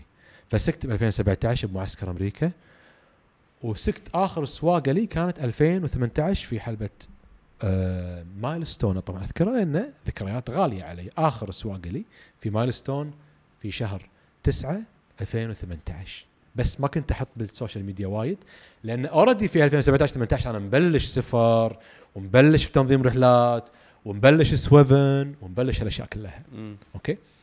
ففي آه فلما اعتزلت هني هني بس عشان نوضح الصورة إن أنت هني سويفن أنت بلشت سويت شركه لا لا لا الحين جايك الحين جايك لا لا تو الناس. لا أنت بعد ما اعتزلت سويت في 2016 سويت مثل شركة أو لا لا ولا شيء. إنك تساعد على يخوت إنك قلت لا لا ولا كنت شيء. تروح الحين جايك أنا. okay. الحين جايك أنا اعتزلت في 2016 مم. لين ما صار الصيف دورة الصيف آه سجلت في الأكاديمية مالت ال sailing course مطول آه يعطي ال- ال- اللي هو خلينا نقول آه، 101 102 آه، 102 103 okay؟ ف 3 in 1 12 يوم. في جزيرة داثرة ما أدري وين اسمها آه، بوروس من اثينا بعبارة ولا يعني بس هالتعبث خلاني اشياء اتعلم أتعلم وايد. فنزلت اثينا ركبت عباره وصلت لجزيره بوروس. وايد احبها لأن لي ذكريات فيها. طبعا هي واحدة من 35 جزيرة أنا بعدين زرتها في اليونان. ف نزلت هناك شفت اليخت كل شيء تمام. ثاني يوم بلشت الكورس. تعلمت بعدين طبعا اكتشفت مع الوقت إن طبعا عشت حلم بهال 12 يوم. كان حلم كان شيء مو مترابط بمخي. إنه فجأة إن أنا بيخت سيلينج وشراع بس أنت هني قاعد. تتعلم شلون تسوق اليخت. اللي هو إني أتعلم شلون أسوق وال بس ما كان. هدفك شيء أنت بس تبي تتعلم على اليخت؟ بس. بس. انه شلون أسوقه وشلون أتعامل معاه على وشلون اليخوت بس. الشراعيه ما كان في ببالك إنه ولا والله. أبي أسوي ولا, شيء- بشتري يخت و... كلش كلش بس إنه بتعلم شلون يسوقون هاليخت و... أبي ال sailing boat هذا. okay. حطيته ببالي. ف... فشيء حلو إنه إنه okay أنا وصلت. كاني قاعد أسوق اليخت. كان الماي شفاف وصافطين ونسولف. وهذيل وأنا يعني عربي الوحيد اللي معي كله ألمان. وهولنديين وثلاثة بريطانيين و... واو. بس هذا كله أقدر أقوله. واو كان الوضع وايد حلو. يعني رديت الكويت. قلت مستحيل ان نوقف عند هالحد. أكيد في الكويت في أحد. وأتعبث واتعبث هني وهذا. وأطيح لي على مجموعة عندها يعني ما نقول يخوت يعني يعني قوارب شراعيه بس حجمها صغير شوية. آه، اللي هو نادي آه، اللي اسمه كوسا في آه، الفحيحيل نادي الفحيحيل البحري. عن طريق ما عندهم حتى يعني website ما أدري طحت على رقم واحد. الله يعطيه العافية مايك بريطاني. هو مدرس ونفس الوقت كان يطلع في فكلمته قلت له يعني أنا مهتم بال sailing عندي آه، license طلعته من اليونان وكذي وهذا. شلون شنو أنتم؟ فقال تعال المكان الفلاني يوم الخميس يوم الجمعة يوم الجمعة. فرحت ولا يحلى برحاته ناطرني كذي وهذا. وكان تعرفت عليه وطلعنا في 2016 هني بدت حياة ثانية في الكويت اكتشفت ان في مجموعة تطلع. والحين ما شاء الله اللي هو رابطة الكويت هواة القوارب الشراعيه في الفحيحيل آه إذا حتى منشنهم اللي هم كوسا K O S A لهم انستغرام واسبوعيا قاعدين يطلعون و... هني تعلمت وايد منهم. okay أنا تعلمت في اليونان بس نوعا ما باليونان كانت سريعة يعني يعني كفترة تعتبر إي، 12 يوم يعني ولا ولا شيء. شيء. عرفت؟ وبعدين آه، نوعا ما كانت يعني اكتشفت مع الوقت إن اللي سويته في اليونان كانت شركة تجارية. ما عطتني من قلب الكابتن يعني اعطاني okay استانست بالتجربة بس تجارية تعتبر. فما انصح أحد عليها. خلاص. ما انصح أحد إنه يروح لها. يعني ربعي اللي كلموني تالي قلت لهم لا لا تروحون لها في أحسن منها. فاني دخلت في الكويت وقمت أطلع اسبوعيا وياهم والشباب هناك ما قصروا. ال- البريطانيين وأخوي من لبنان مالك ساعدني وايد على ال- ال- ال trimming يسمونها على قياسات ال- ال- الأشرعة والأمور هذه. استفدت منهم وايد. okay. إلى أن طبعا صارت آه، خلينا نقول هذا الكلام 2017 طبعا هل من الفترات هاي كنت أسافر مع ربعي ورايح راد سفر حلو عرفت؟ أواخر 2017 صديقي آه، العزيز آه، فيصل الشرقاوي. طبعا وقتها كان عنده إنستغرام وايد قوي. ما يعادل اللي هو ال- الإنستغرام المشهور Beautiful Destination. طبعا ما في أحد ما يعرفه. في ذاك الوقت كان عنده World Travel Book كانوا تقريبا متقاربين بالأرقام. هو شاري وقام ين- ينزل فيه فصار في متابعين من الشرق الأوسط بالعالم. فكلمني قال لي معيذ آه، خل نروح نيبال. إحنا already كان خطط نروح نيبال نبي نسوي hike. رحنا نيبال آه شيء فظيع كان ال hike هناك وكذي. كان يقول لي إيش رأيك؟ آه أنا عندي مجموعة يكلموني وايد بالإنستغرام وكذي إنه ودنا نروح وايد شافوا رحلتنا نار حتى قوية وكذي. إيش رأيك؟ خلينا نضم ضمن رحلة. فكانت الفكرة فكرته كانت تخطيط تخطيطي. يعني إنه okay خلينا نسوي كذي. ترتيب خلنا ولا اي. ترتيب. خلينا نسوي كذي المبلغ كذي خلينا نحط كذي خلينا نسوي كذي. فصارت. فتخيل أول رحلة سويناها World Travel Book حق نيبال كانت. مم. البداية كانت نيبال. ونظمنا اول رحله ويا أول group. وعجبتنا الرحله يعني الفكرة عجبتنا وايد. أوه تمام والله. خوش بيت فأنت كنت بس أنت وياه. أنا وياه. بس أنتوا الاثنين اللي إيه. بلشتوا الفكرة. إيه، كذي. ما كانت business كانت بس والله تنظيم رحلة انه بنروح ناخذ مجموعة يعني نوريهم. وناسة ناخذ ناس غطوا تكاليفنا وطلعنا بيزات شوية زيادة حلوة. آه، okay، بس. وناسة والله تقسيم اثنين المبلغ حلو. حلو حلو. مع الوقت آه أنا هني طبعا هالكلام دخل 2000 قبل 2018 ها، يعني آخر 2017 بدأ بدأت الأفكار الشيطانية. أفكار حلوة هذه. إي. بس أنا أقول لك الشيطانية. معاذ أنت ما تحب أحد يكون فوقك. أنت ما تحب أحد يكون معاك. أنت بروحك أنت تقدر تشتغل بروحك. زين ليش ما تدخل سوالف البحر؟ نيبال مو الكل يمكن. okay فيصل حبيبي الله يوفقك أنت قوي في الجبال أنت تخصصك في الجبال. أنا كني بروح آه، البحر. البحر شوية. هم كانوا وياي. فسويت أول رحلة يخت وكذي وهم كانوا وياي في الحسبة. فبعدين لا شديت حيلي إني أسوي رحلة يخت يخوت وادخل موضوع اليونان. ليش ما الناس ما تجرب هالتجربة الحلوة هذه. فكلمت آه، شركة وكذي. آه، فهي كانت الفكرة إن أنت تاخذ مجموعة توديهم أيوة، هناك بس أنت تسوق. اليخت ويعيش لا، بس لا، لا لا, لا ما, ما أسوق اليخت. للحين أنا ما عندي ال- آه ما عندك عندي ال license. إن مثلا تأجر أي- يخت أي وكل- وطلعت. يخت يعني اللي أنا عشته على في. اليونان واللي سويته ليش ما الناس تعيش تعيشه. تعالوا شو اللي قاعد تسوون أنتم سفر لندن وباريس وما أدري وين تعالوا تعالوا شوفوا اللي قاعد نسوي فبدت بدأ يصير في إقبال شوي هني صار في أول معرض آه أذكره المال experience أو شيء كذي جرب المغامرة مم. اللي صار في الجزيرة الخضراء أو شيء صار في مارينا كريسنت أول واحد. هني كان أول booth لنا تحت اسم World Travel Book مال فيصل. ودخلنا كان شكلنا غريب مع عمالقة الرحالة. آه، الله يذكرهم بالخير آه، آه، يعني شيخ الراشد سليمان الروضان عبد الكريم الشطي. مساعد المجرن عمالقة ال- يعني إحنا إحنا متسولين داخلين. زين إحنا كذي يعني داشين بالنص. يعني إحنا شنو إحنا؟ آه، فهذه كانت بداية حلوة إن. الناس بدأت تعرف ويوهنا. فرحلة ورا رحلة كم مطراق أخطاء بديت اشتغل باسمي بروحي هني Sweven. طبعا Sweven شنو Sweven؟ أنا طبعا حبيت إني أدور اسم معنى كلمة آه، من كلمة واحدة. ما. ابي كلمات وايد. آه، فكلمة واحدة لقيت كلمة سوي شنو Sweven؟ الكلمة لها معاني وايد. كلمة إنجليزية قديمة. أوكي؟ يعني من الإنجليزية اللي انتهت. مم. آه، معناها من أول أو أول مصطلحين من معناها ال vision أو ال dream. الرؤية أو الحلم. أوكي حلوة. بس.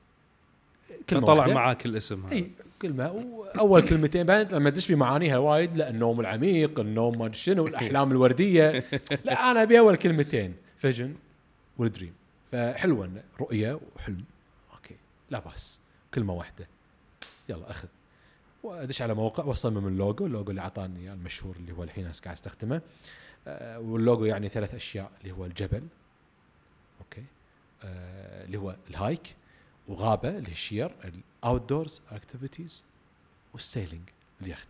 فواضحة أوكي فهذا آه، كان مركز ال- الفكر مال اللي أنت بتسويه كرحلات اللي هي يكون. فيها هايكينج ويكون فيها فيها اوت دورز وح- و- فيها جبال وفيها يعني وجبال بس وفيها بركز. والله على يخوت لا لا لا ما آه، توجهت لفكرة إن هي رحلة. للمدينة أو إن أنت تمشى غير أو تقليدي أوكي, أوكي ف انت مغامرة مسويها كمغامرة. بالضبط. إن أنت تروح خلاص. شيء غير شيء اللي أنت متعود عليه. والأمانة كان هالشيء هذا الموجود حتى مع الرحالة اللي قبلنا ينظمون رحلات هم قاعد يسوون التجارب فإحنا دخلنا بالخط وياهم. أوكي؟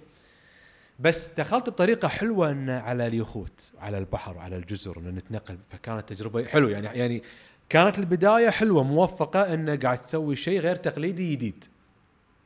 هذا هذه الشغلة الحلوة اللي بديت فيها. أنا فهني خلاص استقليت. وفيصل طبعا بلش يشتغل على موضوع الجبال وال hike يتعمق أكثر. وبالتصوير هو ما شاء الله عليه يعني, مخيف في التصوير ك آه، مصور مغامرات يعني من ال top صراحة. ف آه، خلينا نقول يعني في آه، 2018 2019 بديت أحط اسمي. بديت أشتغل بشطارة شوية بديت أعزم ناس. بديت أعزم ناس معروفين. مثل هاني المسوي صاحبي هاني. ف آه، ومساعد كان معي في واحدة من الرحلات يوسف الهاجري دش معي بواحدة من الرحلات. فبدت الناس تعرف معاذ الانصاري طبعا صدمه حق جماعة الرمل والذبحة والسباقات والدنيا إيش قاعد تسوي أنت هي يعني؟ أنت من؟ سياكل وموتوكروس فجأة رحلات إيه. أوكي ما يدرون إني قاعد أسافر قاعد أسوي إيه، بس وكذي، بس لا. يعني النقل نقلة 2000 أو يعني خلينا نقول صيف 2018 إلى 2019 لا لا صار في نقلة امم صار في نقلة واضحة خلاص إن أنت إيش تبي قاعد تنظم رحلات وكذي وهذا فبديت أحط إيدي بقوة يعني في الموضوع وبديت أتميز بكم شغلة أوكي فحتى إني أحط اسمي في عالم صعب في سوق قوي. أه الحمد لله عندي حضور اجتماعي. أعرف أتكلم أعرف أواجه أعرف أقدم أعرف أعدل لما يكون عندي أخطاء وأطور شيء كذي. ما زلت متميز في موضوع اليخوت. أوكي قاعد أسوي أشياء الكل قاعد يسويها بس موضوع اليخوت ما زلت متميز فيه. بدات الناس تسألني هني شيء حلو لما في ناس معروفة تسألك وين نروح في اليونان؟ وين ناجر من أي شركة يخت تنصح؟ أوكي يعطيكم العافية خلاص هني عرفت إن اي أنا أوكي قمت آخذ مكاني امم أوكي في سوق وايد صعب والله يسلمك يوم بدينا شوية نشد و... ونرتقي في العمل وإذا بجائحة كورونا, كورونا. على الأبواب وأول قطاع سياحي يضرب أول آسف أول قطاع يضرب السياحة. السياحي. والسفر ولا أول ناس تسكر كتابنا ونطفينا الليتات إحنا أهل السياحة. امم كل قطاعات السياحة من شركات طيران من مكاتب سياحة من منظمين الرحلات كل شيء. أول ناس يعني اعتزلنا الحياة إحنا. وأول ناس حاشنا رعب انه شنو بنسوي؟ يلا الحين قدام أمر. اول طقة أول طراق. انت هني كنت للحين موظف. الحين لا أنا في 2018 في آخر 2018 قدمت على المشروعات الصغيرة والمتوسطة وقبلوا مشروعي وطلعت آه تفرغ. التفرغ التجاري لثلاث سنوات ودشت كورونا. امم أوكي. فكنت متفرغ حق ال- ال- الشغل وكذي وهذا. آه صارت كورونا وصارت الأمور هذه ومشت السنة الأولى. طبعا هني الواحد يبدأ يفكر. طبعا في كورونا الشيء ال- ال- ال- سبحان الله مثل ما الكل يعرف إنه في كل شيء ضار في في نوافع تطلع. في صحيح أمور زينة تصير. الأمور الزينة إن عرفنا وايد ناس عرفنا إحنا بعض يا كمجتمع كمجتمع سفر صار في لايفات كنا نطلع live كنا نسولف كنا نعرف شخصيات. فصار عندي شهرة صار عندي قاعدة جماهيرية وأنا لا مو قاعد أنظم ولا شيء أنا قاعد ببيتي. وبالمقابل حتى الناس الثانية نفس الشيء. إلى أن فتحت المطارات هني قلت لازم خلاص أنا أطلع من إلى كنت أشتغل في مست- مستوى آه كنت أشتغل في مستوى مادي معين أو أو قاعد أقدم خدمات في في مستوى مالي معين أبي أنتقل من واحد إلى إلى يعني شيء. من- من شيء إلى شيء ثاني. كخدمات كفنادق ك ك ك وايد وايد أشياء.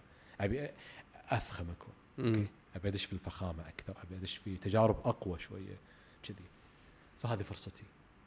إنه تطلع من مرحلة إنه يكون من مرحله سفرة. بيسك يعني إيه، إنه دوب سفرة، أنا تغطي الحين أبي- تكاليفي إنه بس ابى أروح أستانس لا الحين نبيها شوي. تكون لكجوريوس إنه يكون فيها رفاهية أكثر من إنه بس مدخول السفرة. ومدخول وشيء رسمي. لا بجانب المدخول انه حتى إيه، حق اللي بيسافر إيه، إيه.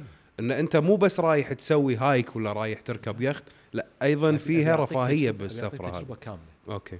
متنوعة. فأول مكان نظمت له رحلة 2020 كانت اليونان. كونها من أول الدول اللي فتحت كإجراءات كانت الاسهل امم آه الرحلة بسرعة تسكرت الناس ما شاء الله. وانت هذه تعرف لها الديرة؟ عاد لعبتي. دير بيتي. أنا مدخلك بيتي دائما لين اليوم أقول. أنا مدخلكم بيتي. ف اللي صار إنه على طول نظمت الرحلة بظرف أيام تسكرت. الناس واصلة حدها أخوي. الناس والفلوس طافحة اخو كل قاعد ببيته ما ما حد قاعد يصرف شيء. إيه. يا هاك أخوي هاك كم كم. يلا كم، عطنا إيه، بس. كم؟ تفضل. زين. ولا حد كان يسأل عن أقساط وتقسيط مبلغ. لا لا لا تفضل كم يبغى؟ 1000 ونص. تفضل 1000 ونص. الحمد لله الحمد لله أن الرحلة تمت كاملة. ما حد حاشا آه، كورونا كورونا. ولا حجر ولا لا بالروحة ولا باليية. آه، رحلة جدا موفقة. وعقبها كانت رحلة كرواتيا. جميلة كانت الرحلة رحلة كرواتيا. هني خلاص في هالرحلتين طقيت طقة قوية في سوق الرحلات. وعلى فكرة تقريبا تقريبا يعني ما أبي أقول لك 100% أنا من داخل أدري 100% بس ما أبي أقول 100% أنا أول واحد أعلن عن جدول رحلات بعد ضربة كورونا كجدول رحلات سنوي كامل حق موسم. كان في شهر أربعة. وهذه بعد تقريبا كنت ضامنها ان دخلت خدمة جديدة. والحمد لله الحين صارت ماشية وايد من منظمين الرحلات اعتمدوها اللي هي نظام شمولية الوجبات الثلاث في الرحلة. كان الناس تدخل وجبات معينة. أنا من أول يوم لآخر يوم وجبات الثلاث فدخلت هالموضوع في أول إعلان عقبي بيومين ثلاثة بدت تنهمر الرحلات والإعلانات و... هي ردة الروح. بس حسب اللي أنا أتذكره في ذاك الوقت إني كنت قاعد أراقب وأطالع كل السوق الكويتي والخليجي ما حد كان منزل الوقت كان مخيف. للحين كان كان كان في مريب. أقول لك أنت خذيتها أنا بجرأة. اي على طول شهر اربعه دوس إي يلا. راعي سياكل عشر. ما ما ما في risk. دوس دوس. كان أنزل عشر رحلات أو أو سبع رحلات هذا جدول السنة هذه 2020 أو إيه 2020 مع بداية 2021 هذا جدول رحلاتي وهذه الرحلات شنو تشمل؟ وسالفة إن والله تشمل وجبات تشمل كذا و activities وكذي كذي فهني صار في نقلة نوعية إن الناس بدأت تنزل ردة الروح مم. فكل من ال- ال- الناس كمستهلكين بدأوا ينتشرون والناس زهقانة رحلاتها الناس وزهقانين ويبون. غيري. إيه، هذا يبون هو. ير- خلاص بس الحكرة. مال إيه، وإحنا يمكن كنا. أطول دولة سبع شهور كان الحظر بالضبط. فبعد الحظر خلاص يعني فالعموم يبي برا ف- فهذا اللي فانت صار. الملاذ اللي كنت يا معاذ. أيوه. إنزين بعد الحين أنت خلاص كونت لك سويفن وسويت وخذيت دعم وبلش يصير business عندك. أي. شنو المشاكل اللي واجهتها؟ أو لحظة لا خلي المشاكل بعدين. أبي من اللي تعلمته واللي سويته كله أنا من كلامك حسيت إنه يعني هذا ال target سبحان الله الله دخلك بهذا كله عشان توصل حق هذا التارجت أوكي. أنت ذكرت ب 2013 كنت رايح اليونان والرحلة وسويت وحطيت وشفت وزقت الصورة. ب- إيه، إيش- دقيقة دقيقة بس أبي أقول لك قصة حلوة. امم بعدين نكمل سؤال. قولها. آه، أول ما فتحت المطارات أتوقع شهر سبعة وثمانية في كورونا امم 2020 أول ما تبطلت المطار. أنا طبعا من الناس من الكويتيين اللي ما وقفت سفر إلا في الحجر يوم كان ممنوع نطلع من بيتنا. بس السفر عندي ما وقف. أنا عشت المطارات وهي خالية أنا عشت الطيائر وهي خالية. فممتن لهذه الفترة اللي صارت والله لا يعودها. أول ما فتحت أنا والعصابة حجزنا يخت بتركيا. تركيا من الدول اللي كانت مبطلة. قبل غيرها. فحجزنا يخت. وأول مرة رسميا أطلع آه، برحلة يخت أنا الكابتن بروحي. ماكو أحد يساعدني إلا ربعي اللي معي. فكانت يعني في خوف وفيها جرأة الرحلة. أول مرة أخذ يخت sailing ترى يا جماعة شيء وايد صعب. أنا هم بعد ما بتكلم عن صعوبة يقول الناس انت خلاص عاد فكنا. بالغت وايد شيء صعب صعب. لا ترى ال sailing وايد صعب. مو نفس أي يخت أحد يسوقه. وايد صعب. وين صعوبته؟ في الصفطات في المارينا. لما تطلع لما تدش يخوت أسعارها خمسين ألف وفوق. دعمة صغيرة أنت ما ودك تتهاوش مع واحد إيطالي ما ودك تتهاوش مع واحد تركي. الله لا يقول تتهاوش مع واحد فرنسي ولا ألماني. أوكي؟ عشان أوضح لكم الصورة إيش كثر مرعبة وتخوف. لما اليخوت اللي يمك اسعارها 100000 و150000 و200000 بغلطة صغيرة تدعم واحد. ما راح أقول لكم شنو يصير. المهم ونروح هناك طال عمرك ونطلع. ما راح أقول لك إيش كثر تبهدلت أول يوم يومين. لكن تجربة. ما راح تتعلم إلا كذي أخوي خلص صح. لكن ثالث يوم ورابع يوم بدت الأمور. تصير أسهل وحلوة بديت آخذ على الوضع. ماشي؟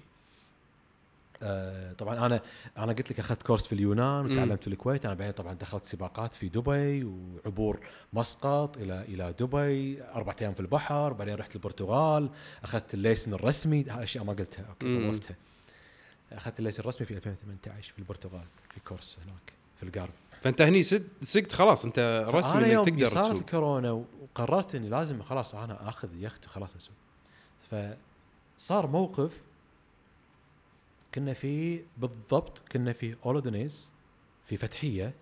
اولودونيز هذا الشاطئ المشهور اللي الناس تطير فيه paraglide مشهور حيل الناس يعني من اشهر أماكن في العالم اللي الناس تطير فيه بالطيران الشراعي وتنزل على هذا الشاطئ اسمه اولودونيز okay وايد ناس يعرفونه. إحنا جايين هني صافطين يختنا منزلينه ونازلين مستانسين في الديرة مرتاحين.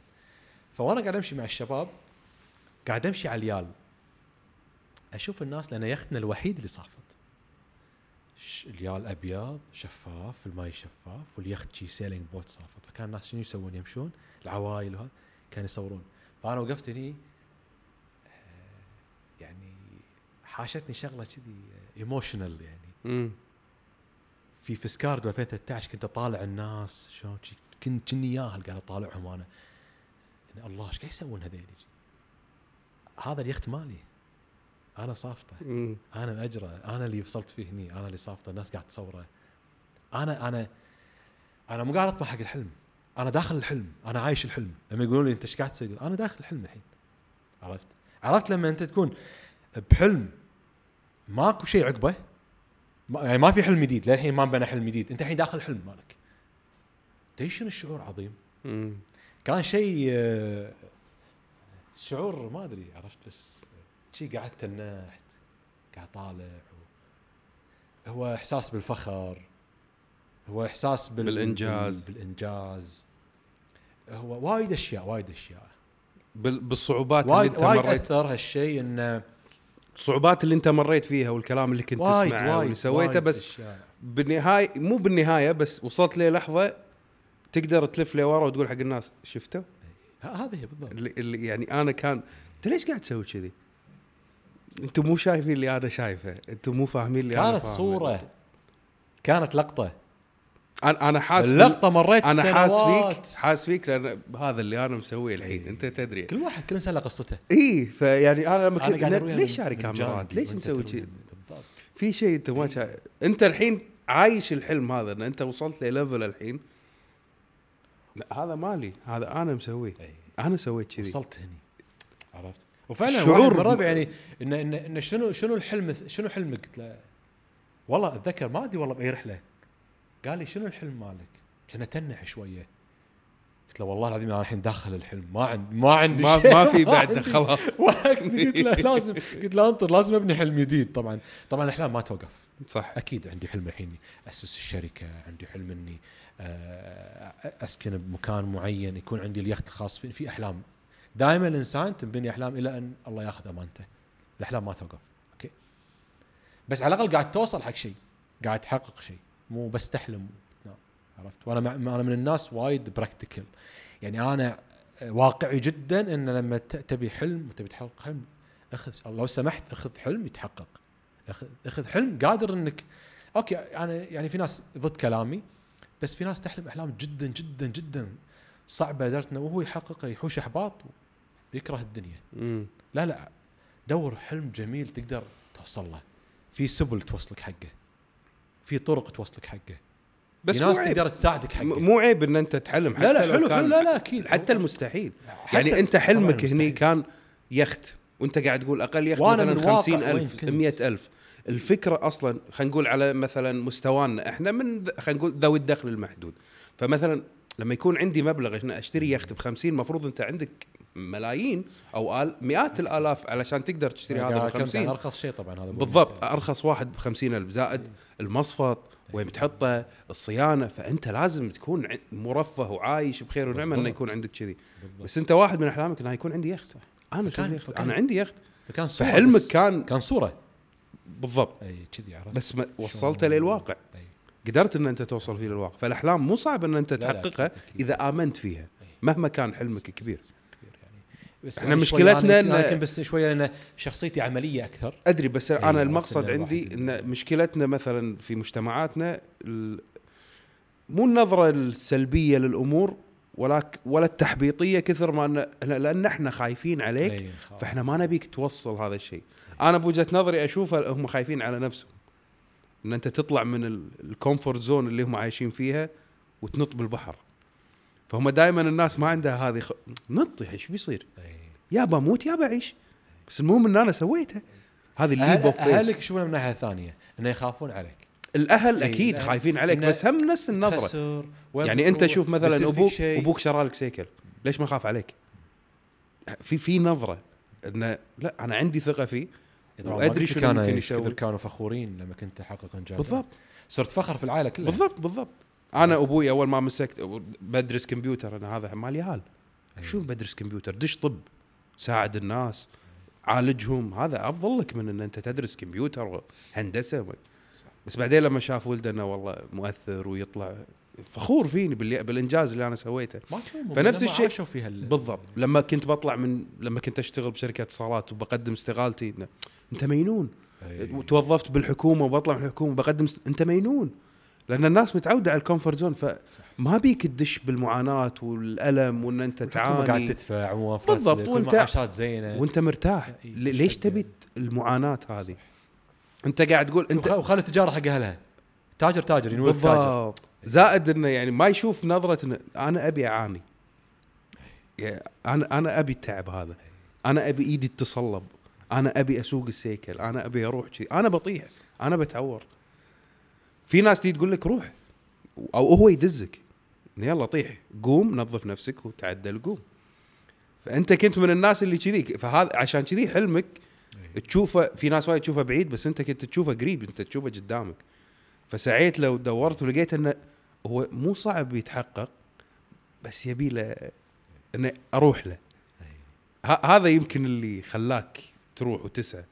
شوف سبحان الله أنت الحين وصلت والله يس... الله يوفقك يعني. أكثر ال ال فقلت لك فكانت هذه ال- هذه ال- هذه لحظة آه،. يعني يعني عشان شي قاطعتك. على الموقف لأنه وايد غالي علي هذا مم. وما زلت فخور لما اقعد بمكان واصفط يا أخي والحين عندي شهر ستة رايح إن شاء الله ويا الربع وكذي يعني شيء شيء الحمد لله الواحد يعني فعلا إذا اشتغل على شيء جميل.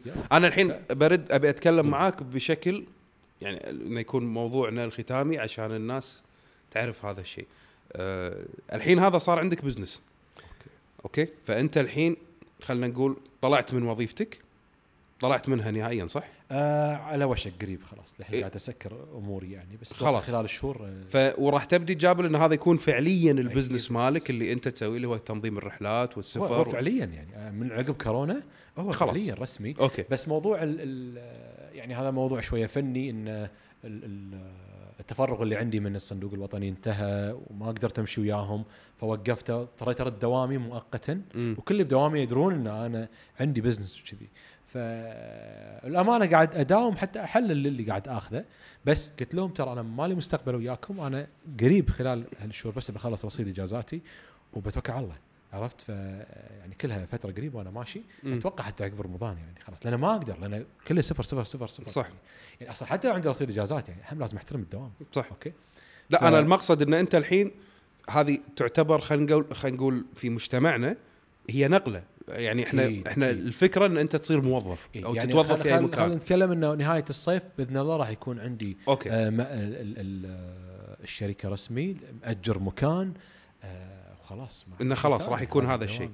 إنزين راح أضطر يوم من الأيام إني أوظف شخص لأنه ما أقدر أشيل الشغل بروحي صحيح. الأمور الفنية الصغيرة الاتصالات الأمور هذه لازم تنظيمها انه خلاص تكون أيوة شركة. وفي business خلاص يعني لازم أدش في ال- ال- المعمعة. هذه ولا ابي أفكر يوم من الأيام إني حتى بعتمد على دعم العمالة حياه الله موجود حياه الله مو هذا اعتمادي عليه عشان مم. لا أخذ راحتي خلاص أنت لازم تبني. فكر و business إي وطبعا ال business هذا بدأ يخليني أفكر business ثاني مستدام أكثر تذكر يوم قعدت وياك مم. وكلمتك من أول وعرفتني على الشباب ووصلتني بالشباب آه، عشان آه، أنظم موضوع ال- الشركة اللي بسويها شركة الأونلاين تدير أمورها وتنظيم الرحلات وكذي وشغالين على الموضوع للحين آه، لأن حتى أنا كمنظم رحلات ك guide لمتى بكون guide؟ امم صحيح خلينا نكون واقعيين عرفت؟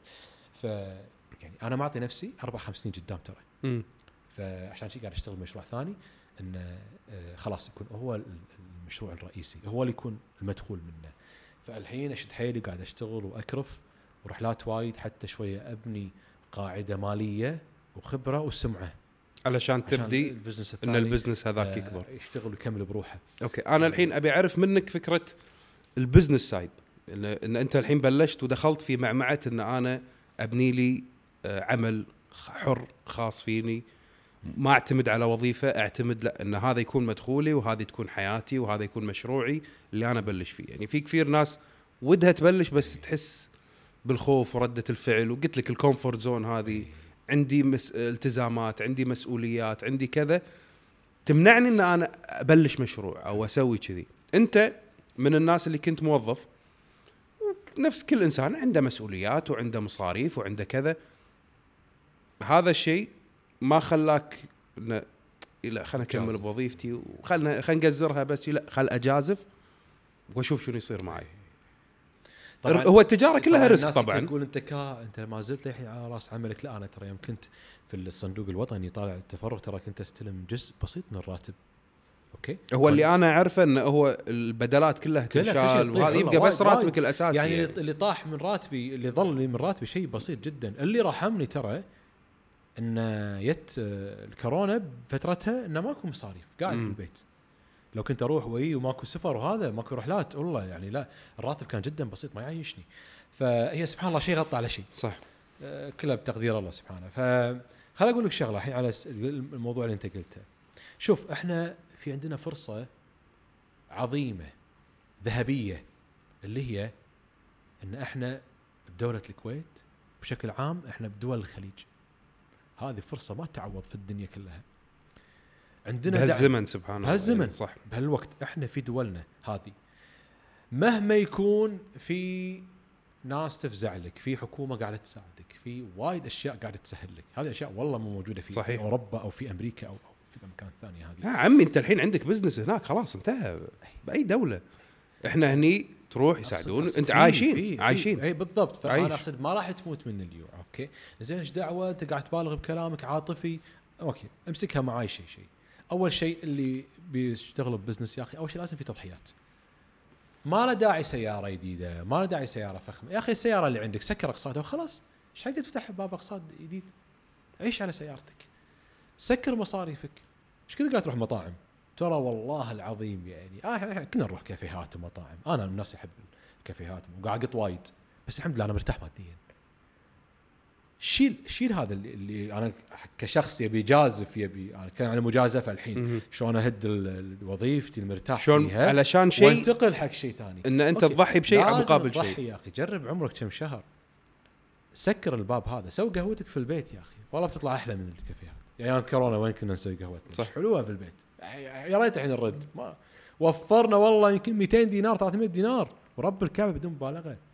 مع المطاعم وأنا المطاعم الحين أقل شيء يعني أقل شيء 30 دينار. صح. فهذا الباب لو تسكره راح توفر وايد. ما لا تحرم نفسك. خل عندك يوم بالأسبوع استأنس فيه. روح أكشخ مطعم روح أحلى سينما روح كل شيء. باقي الاشياء حاول تعتمد على نفسك شوي. لازم في تضحية شوي okay؟ ونس نفسك بطريقة يعني انت حاول تبنيها تخلقها. سوي سينمتك في البيت حط افلامك في البيت آه، سوي قهوتك في البيت. ضح. تقدر لازم ضح. تضحي. والله العظيم راح يتوفر عندك 300 400 500 600 دينار. مو شوية ترى. إحنا مو حاسين فيها. آه هذه الشغلة. لازم تجازف. لازم تبلش في خطتك. قلت لك لازم تكون خطتك شوية مدروسة بطريقة حلوة. لازم يكون ال business مو متكرر لا تبطل لي coffee في مليون coffee. يعني ابدع في هذا لا تبطل لي مطعم برجر مليون مطعم. يعني يا تبطل شيء حيل حيل يكون unique فكرة جديدة أو قوية. okay؟ إحنا الحين إيش قاعد يصير عندنا؟ لو تلاحظون وهذه هم شغلة وايد حلوة. إحنا عندنا ال social media هذه نعمة ترى من الله. في ناس تشوفها نقمة. لا هي نعمة. فيها جانب جدا صحيح. مفيد أنا الحين نواف شلون بديت ال business مالي؟ قاعد أسافر أول شيء لا أرباح. ولا مدخول. على الله يا دوب إن نغطي كم أول اللي بلشناها بنيبال وعقبها كم يا دوب نغطي. شلون بلشت؟ قاعد أحط بال social media. الناس شلون عرفت إن أنا والله أروح اليونان ويخوت ال social media؟ زين يا أخي أنت قبل ما تبلش ال business ال business مالك اشتغل عادل بال social media. زين أنا ما أعرف أصور تعلم شلون تصور. أبدأ أمسك كل خطوة بروح. تحتاج تصوير؟ تعال. طبعا الحين التصوير ربي لك الحمد. تمسك تليفون وخلاص. اي دعاية. طبعا للعلم هو كان من الناس الرافضين للآيفون. إي، أنا كنت كنت كنت في في ضلال في. ضلال المبين إي إي. والله. كنت كانت الأرض مسطحة عندي. لكن الحمد لله الله هداني. زين. المهم. ففي يعني سهولة الحياة يعني الحين هذه والأش... يعني قاعد تساعدك. إن أنت ممكن تسوي إن إحنا بزنس في بلد يساعد عندك جوا... عندك أشياء تقدر تستغلها يا أخي. عدل تصوير ما تعرف تصور عدل تصويرك علم علم نفسك شلون تصور. لا تجيب مصور لا تدفع له مبلغ وقدره. تعلم شلون تصور. تعلم. يوتيوب والله العظيم شلون يعني كل شيء في الدنيا موجود بيوتيوب. كل شيء كل شيء. تعلم. سهولة الحياة الحين تشوفني شلون اصور إيه، الحياة هذا. اللي- كل الأشياء اللي سويتها ترى أنا أتخ- الحين الحياة وايد صارت سهلة من حيث إن أنت تقدر تعتمد على نفسك أكثر ما. تعتمد على غيرك نعم في مراحل أنت محتاج إنه يكون في عندك إنسان يعني شخوص وتيم وناس تفهم يعني وعندها خبرة في. الموضوع ولكن كبداية خلينا نقول اللي هو ال- المشروع الناشئ ال- انت توك مو small business انت أقل من ال small business انت ليه ما الحين بتدش تبي تسوي مشروع. نواف. بتسوي مطعم بلش مطبخ بيتكم. صح. بت كلهم بتبلش بالضبط. اللي ناجحين الحين. كل الناس الحين أبل- الناس العمالقة اللي بلشوا. كبرها بلشوا بجراج شوف أنا ما أبي أكلمك عن ما- الشركات مو برا،. بس خلينا إنه نتكلم عندنا. بالكويت. إي. الكويت. صح. الناس اللي بلشت محلات حلوة بالسراديب كانوا يشتغلون. والله العظيم كنا نطلب منهم نعرفهم أنا. للحين صح؟ سراديب. البنيه تقعد بيها هي تقعد خلاص بس. دراعتها قاعد تشتغل. الحين عندهم شركات. فأنت هذا الشيء أنت تبديه إذا أنت فعليا تبي تبديه. فلازم تبدأ فأنت. الحين بلشتها. طوع ال- ال- ال- ال- ال social media تعلم على ال social ابدأ من كل شيء ما تعرفه ابدأ فيه. تعلم تعلم تعلم. فأنت الحين ضمنت إنه تسوي لك إن الناس تعرفك. ثاني شيء آه تكلم. لازم تطلع تتكلم. ما تحب تحط وجهك. تكلم يا أخي. الحين وصل لمرحلة إن الناس تسجل بس voice over أحسن من كذي بعد يعني دلع. آه ال- الوسائل التواصل الاجتماعي الحين. تويتر انستغرام تيك توك إيش ضل بعد؟ يعني تنوع عندك في مصادر الدخل. آه الناس تساعد. كل شيء موجود في في ال عالم الإنترنت يساعدك. زين الدولة مثل ما قلت لك تبيها تساعدك؟ حياك الله. ما تبيها تساعدك؟ ما اعطتك ما راح تموت من okay. هذه أهم نقطة ترى ما راح تموت من فعليا ما راح تموت من الجوع. okay في ناس وايد عندهم خوف من هالنقطة هذه إن إذا بروح أنا عندي التزامات عندي أقساط عندي كذا شلون لازم. بفتح مشروع عندنا البنك وأسوي؟ الصناعي عندنا ال- شو اسمه دعم المشاريع ما, ما. يعطون ما يسوون لا لا يعطون يعطون أنا من الناس بسرعة وافقوا على مشروعي ما طول بس أنا أنا بعدين صارت في إشكالية بيني وبينهم على المشروع فوخرت لا هي فكرة لكن الناس بهالناحية لأن هي في متطلبات بس يح... لازم أنا- يعطي الأعذار علشان شنو اللي بقوله؟ يريح نفسه ما أنت لما يبلش. تشتغل تبلش بال social media وكذي أنت خليك على رأس عملك. بس تشتغل في المشروع إي مالك. هذه نقطه خليك على رأس عملك، هذه تطلع. نقطة أنا أنا سويت العكس. أنت طلعت بلشت أنت تذكر ب 2016 أنا قدمت استقالتي وبلشت بالشغل. ب 2016 وبداية 2017 لو أي واحد كان يعرفني بهالفترة دائما كنت أنت للحين موظف؟ ليه أوه للحين تأخذون معاش. وايد كنت مستانس إن أنا صاحب business ومسوي business وطلعت وعلى كيفي وظيفتي بعد ما طحت مريض وقمت وسويت وهني حسيت فعليا لما شلون أنت تكون مثلا شي قاعد تصعد بعدين فجأة تطيح بالأرض شي على طول مو إنه شوي شوي على طول بالأرض وما عندك شيء ولازم ترد تقوم فيا ترد يا تسوي. هني حسيت فعليا بقيمة إنه لا الإنسان لازم يبدي شوي شوي لازم يرت يكون راكد. فأي واحد الحين يقول أطلع وأسوي لا لا لا. خليك بوظيفتك خليك بمكانك بس حاول تنظم وقتك. تسوي أمورك صح تجرب مثلا تروح الصندوق تروح الصندوق أيوة. أيوة. الوطني تقدم على ناس. في عندنا الحين بدأت تطلع في تسهيلات في مستثمرين. في- مستثمرين. في عندك شركات استثمارية. بس أنت حاول انك لا خل أبلش بالفكرة. إيه. أحطها أسويها بعدين شوف تفاعل الناس. بالضبط. يمكن أنت الفكرة اللي أنت. مبلشها. آه يعني تخيل الحمد لله ربي لك الحمد. يعني أنا حطيت اسمي الحين بين منظمين الرحلات اللي اللي بلشوا انستغرامهم بالرحلات. مم. اللي هم أول يوم بلشوا في 2012 13 بلشوا هم بالرحلات والناس يعرفون بالرحلات. حطيت اسمي وسطهم ربي لك الحمد بس ما يا هالشيء ضربة حظ ولا لا لا أخوي ماكو شيء اسمه حظ لا لا كرفت أنا بدون ريولي كرفت أنا لازم تعبت لازم أنا وايد تعبت كرفت وتعبت وضحيت وعطيت و... وغلطت وصلحت أغلاطي وما كابرت و... مم. فهذا الشيء لازم الواحد تدري بقول شغلة نواف على, على الطاري تدري في ناس يدشون علي يكلموني؟ يطلبون أشياء جاهزة مجهزة. أتعمد إني ما أعطيهم مو مو بخل إني ما أعطيهم. يا أخي مر بالتجربه لازم تمر في التعب عشان تعطي خدمة زينة حق الناس. أخوي معاذ نبي ال- الرحلة هذه كذي على أساس أنا بروح. يعني أنت بتروح أو أنت بتروحين تنظمين؟ أنت مو رايحة مو شايفة مو مسوية ما يصير. يعني okay خليش من أنت يعني الله يعطيك العافية وأنت الله يعطيك العافية شغلك مضبوط بس يا أخي أنت هم تبي تقدم خدمة حق الناس. هم يكلمونك إنه يبون يبلشون. يبون يبون يبون كل شيء جاهز على طبق لا لا أنا. قصدي اللي قاعد يكلمونك هذول يبون يسوون ينظمون رحلات. يبون ينظمون مو إنه. يجون معاك بالرحله اي إي لا لا يبون ينظمون رحلات يبون يبون يشتغلون يبون يشتغلون عرفت؟ نبي ني معاك نبي ندش شركاء معاك نبي نبي نبي نبي. يا جماعة يعني أنت ما بنيت شيء. طالع ال social media مالتك صفحتك ماكو شيء. زين لا أنا سويت ماكو مشكلة يعني لازم تتعب على عمرك شوي. أنا تعبت أنا لما أنا لما انت تكلمني عن اليخوت أنا عشت بهاليخوت من جزيرة لجزيره افتريت شفت تعرفت عندي أصدقاء يونانيين عندي أصدقاء كروات عندي شركات عندي إيميلات عندي اتصالات عندي دقرات اندقرت وياهم عندي بلاوي صارت وياهم فأنا ما يتم كذي روح أنت أسبوع جرب بناء على هال- الأيام اللي بتجربها في الدولة الفلانية والدولة هذه والدولة هذيك راح يصير عندك خبرة هذه الخبرة تقدر تعطيها حق الناس. ليش؟ لأن إحنا قاعدين نستفيد من الفئه الناس اللي الحين مهتمة انها تي مع منظمين رحلات من وطنهم من ديارهم اللي هم إحنا ككويتيين أو خليجيين. واهم ما زال عددهم قليل. لا تنحشونهم. يعني يا دوب قاعد يجون معانا ناس. فتخيل أنت في ناس قاعد يجون يشاركون في الرحلات هذه مع ناس سيئين جدا. سمعتهم سيئة. فش يصير في ردة فعل؟ خلاص لا بس. لا أنتوا كلكم نفس الشيء. لا خدمة لا شيء كذابين قاعد تاخذون مبالغ قدر ليش اسأت لنا كلنا إحنا؟ عرفت؟ فقاعد تصير هالمشاكل وايد. مم. فلا أخوي اشتغل عدل. اشتغل ضبط أمورك. سو يعني اتعب شوية على اللي تاخذ حلل فلوسك زين بس. عرفت؟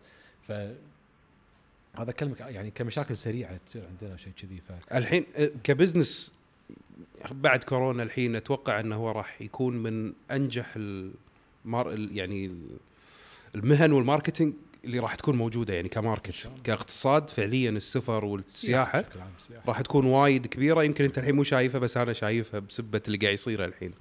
فالله يوفقكم إن شاء الله. أبي أعرف منك شغلة أخيرة. عندك system حق أنا أدري بس أبي الناس تدري. عندك system حق الرحلات. الناس اللي بتي معاك أي. مو كم من رحله أخوي يدفع ويمشي أنت ما عندك أنا هذه يسألني الشيء. بكم نوعا ما اكرهها بكم أخوي ما بكم عليك. رحلتكم؟ طول شوية ما أرد عليك اي كم رحلتكم؟ لا في عندك system حق شوف السفر أنا أقول لك آه، وانت شرحت لي إياها ليش عندك هال system إي. وتسوي. قصدك موضوع مثلا فعليا أنا. اقتنعت جدا إن هذا شيء وايد ناس حلو يرف... يعني موضوع المقابلات okay؟ مم. آه طبعا أنا الحين بديت أفرق بين ال- آه، الرحلات ماشي. في رحلات تحتاج مقابلة إلزامية. لازم أشوفك في رحلات. مثلا رحلة نيبال ورحلة آيسلند. رحلة نيبال لأن فيها hike. لازم أعرفك أنت تفاصيلك لازم أشوفك لازم أطمن بعيني. أشوفك وأطمن منك وأعرف كل شيء كذي هذا آيسلند. عندك مشاكل صحية عندك كل شيء وايد جسدية. وايد أشياء. ما تسوى رايحين. إحنا مجموعة إيه. وتطيح ويصير فيك شيء. أفصل أفصل مع الشخص حيل يعني وعندي أسئلة طريقة معينة أقدر. أعرف أكثر عنك. وبالنهاية حتى الهالة يعني شلون يعني في بشاشة في راحة في في تحس إن الشخص مو مناسب كذي. وآيسلند بعد. آيسلند لأنها تعتبر من الرحلات الصعبة جدا خاصة في الشتاء صعبة جدا. فلازم تكون مؤهل حق إنك تجي الرحلة هذه. فأنا ريال أقابل. سالفة والله بس هذه الرحلة تعال ادفع فلوس وعساك تحترق. لا ما تمشي عندي. ولا تطلع أنت يجيني واحد مينون يطلع يجون لأن أنا راح أصير أيام منك. تدري فيني. تصير مينون حتى تفضل. حياك. إيه. أنا ما ودي أوصل للمرحلة هذه. طيب وأضحك وأستانس. رايحين نستانس يعني إيه. بالنهاية. فتطلع خباثتك أو تطلع وساختك أو يطلع تطلع طولة لسانك أو هذا يعني ما ودي أطلع ال- الوحش الذي داخلي. أوكي؟ ففي البداية تتعرف عليهم وتشوف الناس أول شيء عندي ملف الرحلة واضح. ثاني شيء عندي العقد سهل وواضح. ثالث شيء عندي المقابلة. المقابلة أما تكون وجه بوجه قلت لك على حسب نوع الرحلة. أو تكون بفويسات أنا أطرشها أو تكون اتصال. مم. أما إنك تسجل على طول وتعال يلا حياك أشوفك في المطار هذه ما تصير عندي. هذه ما تصير عندي. في ناس رفضتها في ناس رفضتها. في ناس ما تخليهم يجون معك رحلات مرة ثانية؟ إي نعم في ناس ما تخليهم يجون رحلات مرة ثانية. خلاص. في ناس طافوا عليك وبالرحلات طلعوا شخصيات إي نعم بس دقرتهم. طبعا ما تقر على طول. أعرف أقدر كل شيء. يعني اعطي كل شيء حقه في وقته. إذا كان في خطأ صغير أمسك الشخص على جنب. بكل احترام وتقدير كلنا نغلط. كلنا نغلط. فاكلمه بكل احترام وتقدير. أخوي أختي صار كذي ما له داعي. please يعني لا ينعاد هالشيء ترى. زاد عن حده شوية يزيد. كان في وقاحة لا الله يعينك قدام ال group راح تصير أنت مسخرة ال group. معلش يعني. صارت فيك؟ نادرة بس دقرت. دقرت. لا إنه صار في إيه، مثلا يعني آه مناوشات نا- قوية إيه، بينك لا وبين- مناوشة واحدة. وقبل الكورونا كانت. كانت قبل الكورونا. كانت في البداية يعني. اي يعني عرفت اتخذت إجراء إن إذا ما تسنعت راح تنطرد. أنت واغراضك برا. ما لنا شغل فيك. تبي هواش أنا تفضل طال عمرك. تبي مخافر؟ عادي. تبي قضاء؟ لا تخاف ما بالكويت ما تقدر تسوي لي شيء. إحنا نحتكم في الدولة في القانون الدولة إحنا فيها. خلصني. شنو؟ اختار. أما إنك تسكت بس طبعا الشيء ما يصير إلا مع ناس جدا وقحه إي خلاص جدا مو زينة. أكيد ما راح توصل. لكن الحمد لله الحمد لله الحمد لله. 99.9 الرحلات ناجحة. الناس محترمة وراقية. آه الناس جاية تستانس. الناس جاية تفرفش. وإحنا نستانس وياهم. وأنا عندي شخصية ما تبين بال social media. اللي جايين معي الرحلات يدرون بهالشيء إن معاذ إحنا مصدومين إن أنت بال social media مذيع أخبار أدري. أدري. ف الحمد لله. في قبول. والناس تسولف. فالحالات الشاذة ترى هي تظل شاذة. ونادرة. وقاعد تصير رحلات عندي كاملة perfect وجميلة من بدايتها لنهايتها الحمد لله. الحمد بس الله لله يتمم هالشيء هذا. الله يوفقك إن شاء الله. يا رب. فالحمد لله على كل شيء يعني آه، يظل هذا الشغل يظل هذا business يظل في risk يظل في صعوبة يظل في مجازفة يظل في تضحيات. لكن في جانب جدا جدا جدا جميل أنا أحبه وايد. قاعد اتعرف على ناس جميلة قاعد اتعرف على ناس طيبة قاعد أمشي الحين و... الكل يحبك الكل تحبه عندك ناس بكل مكان. أنا بسألك سؤال عشان أختم فيه هذا. قول لي. الرحلات والسفر والروحه والجيه انت قلتها شي بشكل سريع بالبداية بس الحين أبي أعرفها منك فعليا. شو اختلاف الشعوب والناس. شنو علمك؟ يعني أنت قاعد تروح وتشوف الناس هذه خل الإعلام وال social media واللي قاعد يطلع. لما تشوف الناس فعليا. هلا ما أنا قلت لك إياها في المعسكرات لما كنا نروح. الارياف إي. ونشوف ال- أهل هذه أنت ذكرتها كذي؟ بس الحين انت الحين قاعد تسافر ك خلينا نقول سياحة و business بالنسبة لك بس حق الناس السياحة. صح. قاعد تروح ممكن أماكن ممكن تكون معروفة فيها شوي أماكن سياحية أو فيها تورست وناس تجيها كسياحة. طبيعة البلدان واختلافهم شنو شوف السفر والهذا شنو يعطيك؟ شنو شنو يخليك؟ يعني آه تواضع أكثر. لك أنت. يعني إيه. أنا أقول لك آه يا أخي لما تسافر تشوف آه كفاح الناس عشان يعيشون. آه يعني يخليك ما أدري شلون أوصل لك إياها. يخليك تتواضع. يخليك يعني لا لا لا تعيش لا الخيلاء تاخذك العنجهية لا هذه. تعيش في تواضع أكثر. يصير في عندك حب حق الناس يصير عندك آه، حب العطاء والمساعدة. وقبول لهم أكثر. أكيد. آه، ما في روح تعال.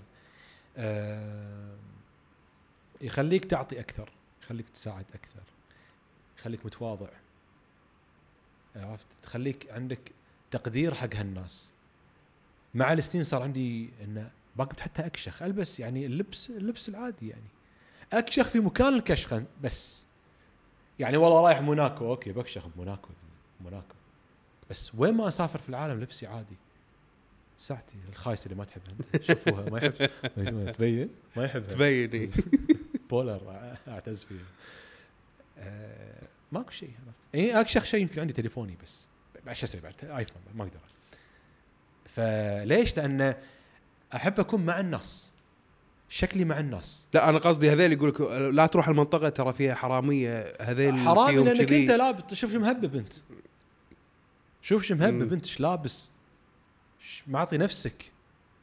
أكيد يعني حرامية بيونك يعني وين ما تكون يعني عرفت؟ قاموا يوصلون حتى في بيوتنا هني إذا أنت قاعد تسوي تصرفات. okay؟ ف خل عندك يعني يعني هذه الرحلات في النهاية قاعد تعطيني شيء واحد قاعد تهذب نفسي. مم. okay؟ الحياة وايد بسيطة الحياة وايد حلوة وايد بسيطة أبسط من التعقيدات اللي إحنا فيها. حتى الإمام الشافعي يقول في خمس فوائد للسفر. ف يعني شيء عظيم هذا إن الإنسان يسافر وهذا إن شاء الله يكون كلنا عندنا المقدرة إن إحنا نسافر ونروح. الناس اللي قاعدين معي رحلات وقاعد تروح مع الناس الثانية من ربعنا اللي قاعد يسوون رحلات كلهم قاعد يتعلمون ال- الأمور هذه. لأن طول عمرهم عاشوا بس في عواصم أوروبا في برستيج معين. يوم قاموا يسافرون يروحون هالقرى وما انت أنا ما أتكلم عن نفسي ترى أتكلم حتى عن اللي سبقوني بسنين بهالشيء ومبدعين ما شاء الله عليهم ربعنا المنظمين اللي موجودين موجودين الحين نفس التجارب ترى قاعد يعطون واعمال تطوعية قاعد يسوون قاعد يروحون قرى فقيرة قاعد يروحون يعني أنا توني راد من نيبال شنو شنو ال group يوم شاف من نيبال طبعا هاي سابع مرة لي في نيبال مم. ال group شنو صدمته؟ شنو شنو صاروا يعني يعني هذا الكلام قالوا لي إياه قال معاذ إحنا لا يعني إحنا عايشين حياة مو مو صحيح مو صحية. كذي. إحنا حياتنا مو صحية. إحنا عايشين في في بذخ يعني الله يستر لا يحاسبنا عليه. إحنا عايشين في في برج عاجي قا- قاموا يحسون إيه، بالنعمة اللي إحنا عايشين فيها. الرحلات هذه لما تروح؟ أنا تكرم هذه شلون بال- لما من النوم هذه اللي- شلون صاير؟ لما تشوف أنت قاعد النعمة اللي إحنا عايشين إيه، فيها أنت- الناس مو حاسه لك واحد يشيل جنطتك وتشوفهم هم شلون عايشين يروحون مدارسهم اليهال والسيايير. وهم قاعد يضحكون. يعني اللي يصدمك؟ على هالمعاناة قاعد يضحك. ولو ما يبي ال tips مالك قاعد يضحك بس مستانس. ولا ك- شنو؟ انت يعني يعني هذه عندنا. إحنا عرفت؟ فتحمد ربك و... فهذه الرحلات تهذب النفس لما تروح حق هالقرى حتى في أوروبا لما تروح حق القرى والأرياف وتشوف الناس بساطتها عايشين بسلام لا يدرون عن social media ولا عنصريه ولا إسلام ولا إرهاب ولا يشوفك يرحب فيك يسلم عليك. لما تقعد وياه فقير لأن هذه هذه يعني يعزمك على آه، عصير ولا على شيء وبعضهم يعزمك على كحول. ما يدري لأنه إنك ما تشرب عرفت؟ تعتذر منه تأسف منه. يقدر هالشيء هذا عرفت؟ ما في كل دول العالم كذي يعني. ف فأنت السفر السفر عظيم سبحان شفت الجانب الحلو فيها. طبعا طبعا طبعا. الله يوفقك يا أخوي. وأنا سعيد جدا آه، والله خذانا ما شاء الله ساعتين يعني. تقريبا إيه، صار لنا ساعتين قاعد نسولف. جميلة الساعتين والله. خلتني ف- أستذكر أشياء وايد. بعتبرها أنا أنا عرفت أنا بعتبرها مرجع هذه اللي يسألني معاذ شنو أنت تفضل المقابلة. روح- روح ما تفضل شوف.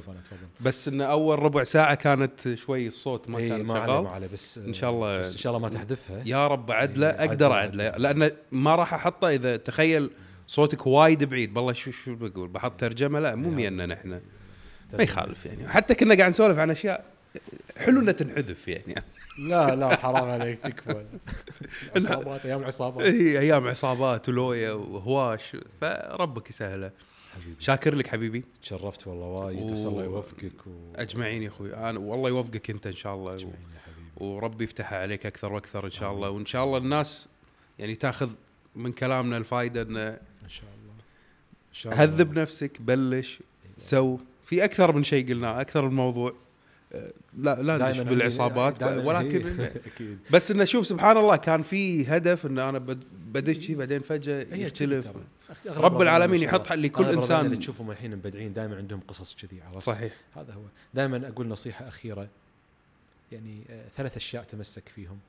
آه، الإيمان الروحي. زين اللي هو مهما كان دينك ومذهبك الإيمان التواصل الروحي مع ربك. مهما كان دينك أو مذهبك آه، التواضع والعطاء. عطاء تصدق ساعد سمى اللي تسميه. هالثلاث أشياء بتعطيك حياة جميلة مريحة طيبة إن شاء الله أكيد. بإذن الله. شاكر لك يا أخوي وشكرا للمتابعين على متابعتهم. نشوفكم إن شاء الله في الحلقات القادمة. مع السلامة.